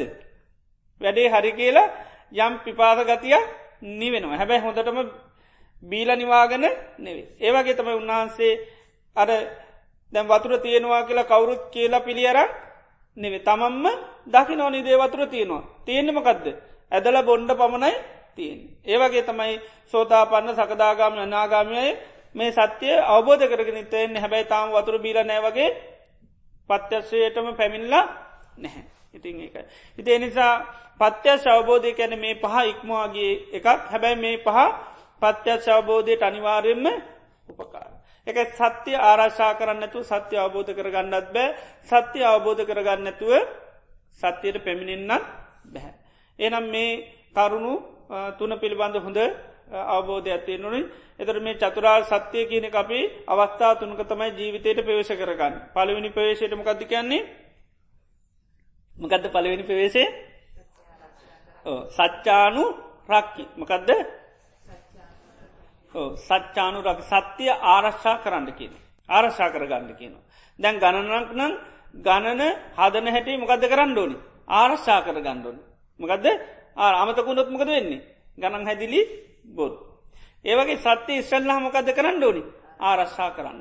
ආරශ්ා කරන්න වැඩ පිරුවලල් කියත්ති නොද පහක්. එක වැඩ පිළිවෙලක් පිළිගැනීම. අනිත් එක කැමැත්ත. අනිත් එක ඇසීම. අනිත් එක කරුණු විමසීම. අනිත් එක වැටහීම ඒකයි. කරුණු විමසලා වැටහීමක් ඇති කරගන්න. වැටහීම තියෙන තියෙන්න්න සත්‍යය අමතක වෙන්නේ නෑ. ඔය පා හැබැයි අසත්‍යයටත් පාවිච්ච කරන්න පුළුවන්. අසත්‍යයටත් කෙනෙකුට සද්ධහා රුචි අනුසවන ආකාර පරිතර තිබොත් යට අසත්‍යයත් අමතක වෙන්නේ නැහැ. ඉතිේ නිසා අපි මේ පහයින් දෙයක් පාවිච්ච කරට හැබැයි අපි මේක පත්‍යශය කියල කියටවත් බාරගන්නේ නැහැ. එත භාවනාව කරේ මේ මේකට අපි මේ පහතුළ ඉඳගෙන පුළුවන් විවචනාවකට මේ පහත ඇබැයි අපිතර මේ මේක සත්‍යයම නෙවේ. කවරුහරි කන්නු සහිත මේක සමට වැරදිකුව තෝන වෙලාකත් අතහරන්න පුළුවන් දැනට හැබැයි කරන්න ඕන නිසා මේදේ මේ විදිහට මේ වැඩ පිළිවිලොස්සේ කරන. ඒත ඒ නිසා සත්‍ය අවබෝධ කරගන්න කැමති ඔක්කොම සත්‍ය අනිවාර්යෙන්ම ආරක්ෂා කරනති ආරශා කරන මේ වැඩ පිළිවෙල පහදිවුණකුරොත් අනිවාර්යෙන්ම අපිට පුළුවන්කම ලැබෙනවා. ඉතිේ නිසා මේ පහ පුළුවන් තරම් දියුණු කරගන්න බලන්න. පුළුවන් තනන් සද්ධහ වැඩි දියුණු කරගන්න චන්දය බලු සම්පන්න කරගන්න අනුස්්‍රවනය නැවත නැවත කරන්න. දැම් බුදුරජාන් වන්ස කාලයකයි අනුස්්‍රවනය හරියට එලි වෙනකම් බණ කියනු ඒකා දැන් වගේ නෙවේ නේද? දැන් එලි වෙනකං කිවොත්තේම ඕ එලිවෙනකං කිවොත් බොහෝදුරට නින්දයන්ඩ පුළුව නමුත් ඒකාල එලිකම් බණ අහන ඒ අහන්න මොකක් නිසාද චන්දය බල සම්පන්නයි ආනික සංජ බල සම්පන්නින්තන් ලේසින් නින් දෙන්නේ නෑ. එති ඒවගේ එක ඒ කාලේ එකයි මේවා බල සම්පන්න පුහුණු කලති නම අනුශ්‍රවණය කෙන අද වගේ නෙවේ එලි වෙනකම් බුදුරජාන් වන්ස ධර්ම දේශනා කරන. එදොර භාගයක් කරන යනකොට මධ්‍යම රාත්‍රනු භාගතුන් වහන්සේක මොකක් දෙන්නේ. කොන්ද අපහසුතාවට පත් එදන කියනවා සාරිපත පොඩ්ඩක් කොන්දරි දෙනවා. එනිසා මේ කියපු එක දැන් ඔයා ආන කරගෙන යන්න කියනවා. ඒ නතර කරන්නේ. මොකද බිසුන් වහන්සේලාට විගත තියන උදක තියන මින්ද පහවෙලා ගිලතින් දැන් නිදිමත පොඩ්ඩක්වත් නෑ. එනිසා ඔයා දැම් මෙති නිදකන්න ති ඉට පස උන්හන්සේ දේශනා කරන. එතර ඒ වගේ දේශනා ගොඩාත්තියන ඒ කාලේ අනුශ්‍රවනයකන කද වගේ නෙවේ දෑද අදත් අනුශ්‍රවනය එලිවෙනකන් තියෙනවන නේද අනුශ්‍රවනය එලිවෙනකන් තියෙනවද නැද්ද? කැනල් ලොක්ක මෙලිවෙනකන් තියෙනව නැද්ද? වැඩිපුරේවා තියෙනවා. නේද? මිනිස් ඇල්ල තියාගන්න මොකද කරන්නේ. රේඩියෝ එලිවෙන කන්දාල තියනවා. එත ඒවා අනුස්්‍රමණය තියෙන ඒවගේ තමයි ධර්මය පැත්තෙත් ඒ අසත්‍ය ආරශ්ා කරගෙන යන්න තියනවා ඒවගේ සත්‍ය ආරශා කරන්න තේ කාලයකයි ධර්ම මාධ පුදුමාකාරවිදිට ඇහෙන් එතර එකම තමයි නිතවර මැහෙන්නේ දැම්වෙල් දැන් එකම නිදාන්න ඒ වගේ එකම තමයිකාන්න එකම පසුමයි යහන්න එතොට ඒ අහන් ඩහන් ඩහන්ඩේ අයට සත්‍ය අමතක වෙන්නේ නැහැ ඒ අනුශ්‍රමණය කෙනෙක එකයි කාල හොඳටම තිබ්බා. ඉළඟට ඒ වගේ ඒ අහපු දේවල්ලේ අයි නිතරමකද කරේ කරුණු විමසවා. විමසන්න විමසන්නමක දුන්නේ අන්න වැටහිම් ඇති වුණ. වැටහෙනකොට මොකදුවන්නේ සත්‍ය අමතක වෙන්නේ නැතන. එතොට කාලයක් ගයාට පසමකද වෙන්නේ අන්න ඒ අයට සත්‍යය අවබෝධ වෙන. ඉති නිසා අපිත් මේ කරුණු පහ පුළුවන්තයම් පුරුදු කරමු. මේ ජීවිතය අනිවාරයෙන් අපිට මේ ධර්මය අබෝධ කරගන්න පුළුවන්. ඉතින් ඒ නිසා අද දිනේදී තාම සන්තුව තලුත් පිරිසක් ඇවෙල්ල ඉන්නති ඒ අය ඉතිං ගොඩාක් බලගතු චන්දය කියනක ඇතිකර ගන්නට ඕනි. දැන් අපි මේ කැමැත්ත නිසා තමයි අපි මේ මේ වගේ වැඩ සටහංවලටාවේ හැබැයි මේ කැමැත්ත කියන එක තියෙනතා කල් තමයි අපිට සත්‍යය මකදද? මතක හිටින් කැමැත නැතුවනොත් මක දෙන්නේ සත්‍යය අමතක වෙන ඒක සත්‍ය අමතක වෙනවා. එතට ආවමකටද කියලා සමල්ලාට අමතක වෙන්න පුළුවන්. ඒ වගේ වෙනවා. එනි සම චන්දය කියන එක මොකක්ද කරන්න ඕන්? වැඩි දියුණු කරගන්නවන් ආප කුසලච්චන්දය තව තවත් බල සම්පන්න කරගන්නඩුව නැත්තමක දෙන්න කුසලච්චන්දය පිරිහර. පිරිහිච්චි ගමන් ආපු කාරමකද වෙන්නේ? සත්‍ය අමතකෙන ආවිමකට දැන්?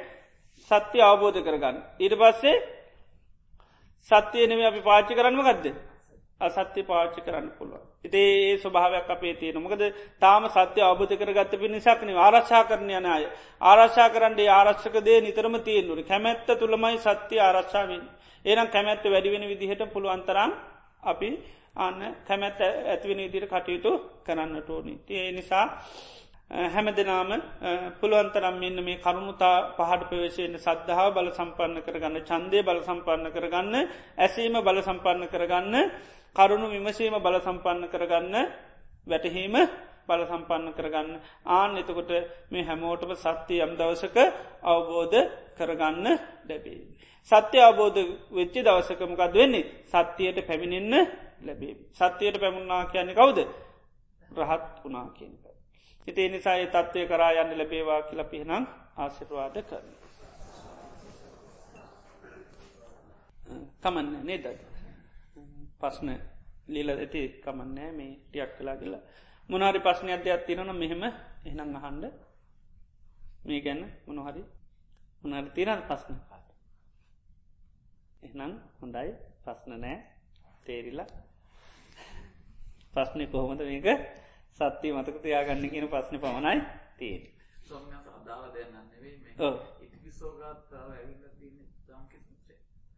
ගොඩක් සුත්තරල තියෙන ඉතින් ගොඩත් තැන්වල මේ බුදුරජාණන් වහන්සේගේ ගුණ කියනක ඒ කාලේ හරියට පැචිරිත්තිය එකක්. ඉතින් ඒ නිසා ගොඩත් දේශනාවල තින් උන්වහන්සේ ගමකට යනකොට මේ උන්න මේ කීර්තිය කෙනෙක පැතිල්ල තින ති බුදුරන් වන්සේ කීර්තිය කෙනෙක ගේ එකත්තම ඉති පිශෝ ගාතාවක ඒක ගොඩත් දේශනාවල ති බුදුරන් වන්සේම උන්වහන්සේගේ ගුණ දේශනා කරප එකක්. ඒක ඒ කාලේ ප්‍රසිද්ධවෙන උන්නාස ගමකට යනකොට මේ ස්වභාවේ මේ කැන ගුණ පිළිබඳ යන්. එතොටමක දෙන්නේ චන්දය ඇතිවෙන ඒක ගුණ ඇහුවට පසමක දෙන්නේ කැමැත් ඇතිවෙන සද්ධාව ඇතිවෙනවා ඒකයි. ඒ ඒ ඇතුනහම තමයි ඉතින් බුදුරජාන් වන්ස හොයාගෙනින් ඒකයි. ඒ කැමැත් ඇතිවෙන්ට ඒක ඉතින් එකෙන කටින් කට කටින් කට ඉතින් කියන කියනකොට ඒවා අනුස්ත්‍රමණය අහන්ඩ හන්නමක දෙන්නේ අන්න අර චන්දය ඇති වෙලා ඉට පසිත ඒක යන්න හොයාගෙන බුදුරජන් වහන්සේ. ඉතින් ඒ කාලේ ගොඩා සූත්‍ර ඉතින් තියනකත්ම මේ තිපිසෝ ගාතාව ගොඩත් තැන්වල තින බුදුරන් වන්සේ කීර්ති කියන එක ඒක. කෙනෙකී කීර්තිය අවුවොත් මොක දෙන්නේ අන්න එක සද්ධාව ඇතිවෙනවා අ රුචි ඇතිවෙනවා සද්දා අය රුචිය ඇතිව නාමතින් මේ කෙනෙකුට දෙයක් නිතරම කරගෙන පුළන් කැමැත තමයි ප්‍රධානෝ කැමැති වුණොත් අනිවාරෙන් ඊට පස්සේ යන දැන් චංකි බ්‍රාක්්ණයට මේවා කිව්වේ ගමමක දුන්නේ කැමැත් ඇතු නරකට්ටි කොච්චර පාකිවත් එයාව කොච්චර බුරුන් අත්ත තිබ්බත් එයා නැන්ගේ නෑ ආන්නකයි. අරකට්ටි වර්ණා කරා කරා එයාගෙන හැබැයි එයා කැමති තිබිය කාටද බුදුරයන් වහන්සේට. ඒක එයාකිවේ මමනවේ සුදුසු මමයි සුදුසු යන්න උන්වහන්ස මාවෙන්ඩ බලන්න එන්න සුදුසු අන්න කැමැත්තේ ආන්නිකයි.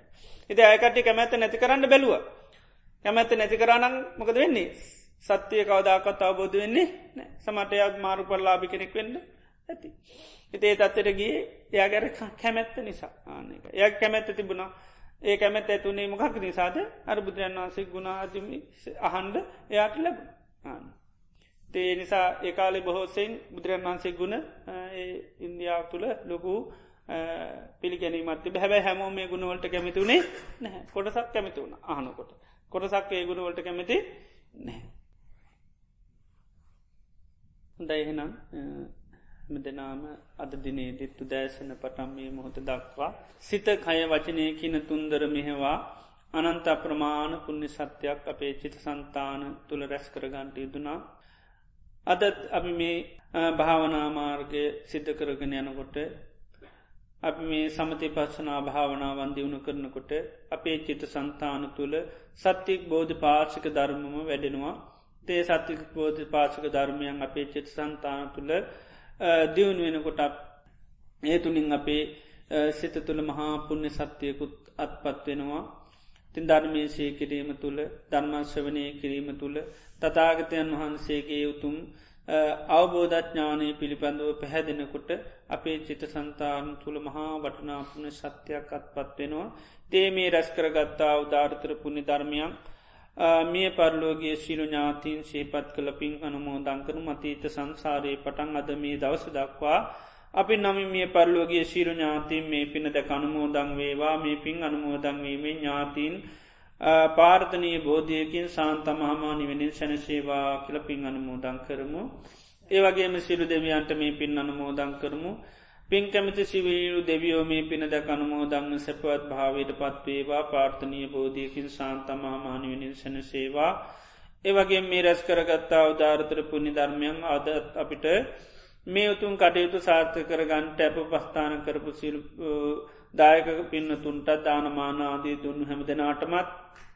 ඒවගේම මේවා ඉතා මුනන්දයන්ගේ සංවිධාන කටයුතු සිද්ධ කරන සෑම දෙනාටමත් සෑමාකාරයකම උපකාරකර සිරු දෙනාටමත් මේ උතුම්පුුණ ධර්මයානු භහ බලෙන් සැමට සිතක් වේවා සාන්තියක් යහපතක් වේවා නිදුක් නිරෝගි සුපත් භාවි ලැබේවා මේ ජීවිතේම ධර්මාබෝධ කරගන්නේ සිරු දෙනාටම සිරු පහසු වෙන සැලසේවා ඒ අයගේ සම්ය පාර්ථනා පූර්ණ චන්ද්‍රයාමින් සපල වේවා කිලපි පාර්ථනා කරමු. ඒවාගේ මේ සාභාගෙනු පින්වා සෑම දෙනාටම අද දිනේ පැමිණිකි මේ සෑම දෙනාටමත් මේ රැස් කරගත්තා උදාරතර පුුණි ධර්මයානු භහ බලයෙන් බුදු පසේ බුදු මහරහතන් වහන්සේලාගේ අනන්තු ගුණානු භහ බලයෙන් මේ ඉදිරි දිනකේපේදෙත් මේ හැම දෙනාටම මේ උතුම් පාමනා වැඩසටාන නිර්පද්‍යතුව පවත්තාගෙන යන්න කිසිමාකාර බාහිර පද්‍රවයක් හරදරයක් නොවේවා. කායික වස්සේ මානසු වසෙන් කිසිම පීඩාවක් දුකක් කසනීපකං ආදිය ඇති නොවේවා. රජුන්ගෙන් සරුන්ගෙන් ගින්නෙන් ජලියෙන් වස විසාධීකින් කිසිමන්තරාවක් නොමේවා තමන් බලාපොරොත්තුවෙන ආකාරයට මේ උතුම් කටයුත්ත සාර්ථ කරගන්න සත්‍යය ධෛරය වාශනාව නිදුක් නිරෝගිසුව පත් භාව ලැබේවා ඉදිරි අනාගතයේ තවතවත් සම්බුද්ධ ශාසනය තුළදානාදී පින්කන් සීලාදී ගුණධර්ම සමති පශ්ශනා භාවනාවන් දියුණු කරගෙන මේ ජීවිතේම චතුරාර් සත්‍ය ධර්මයන් අවබෝධ කරගන්න සියලු පාසු වෙන්න සැලසේවා කියල පාත්නා කරගන්න.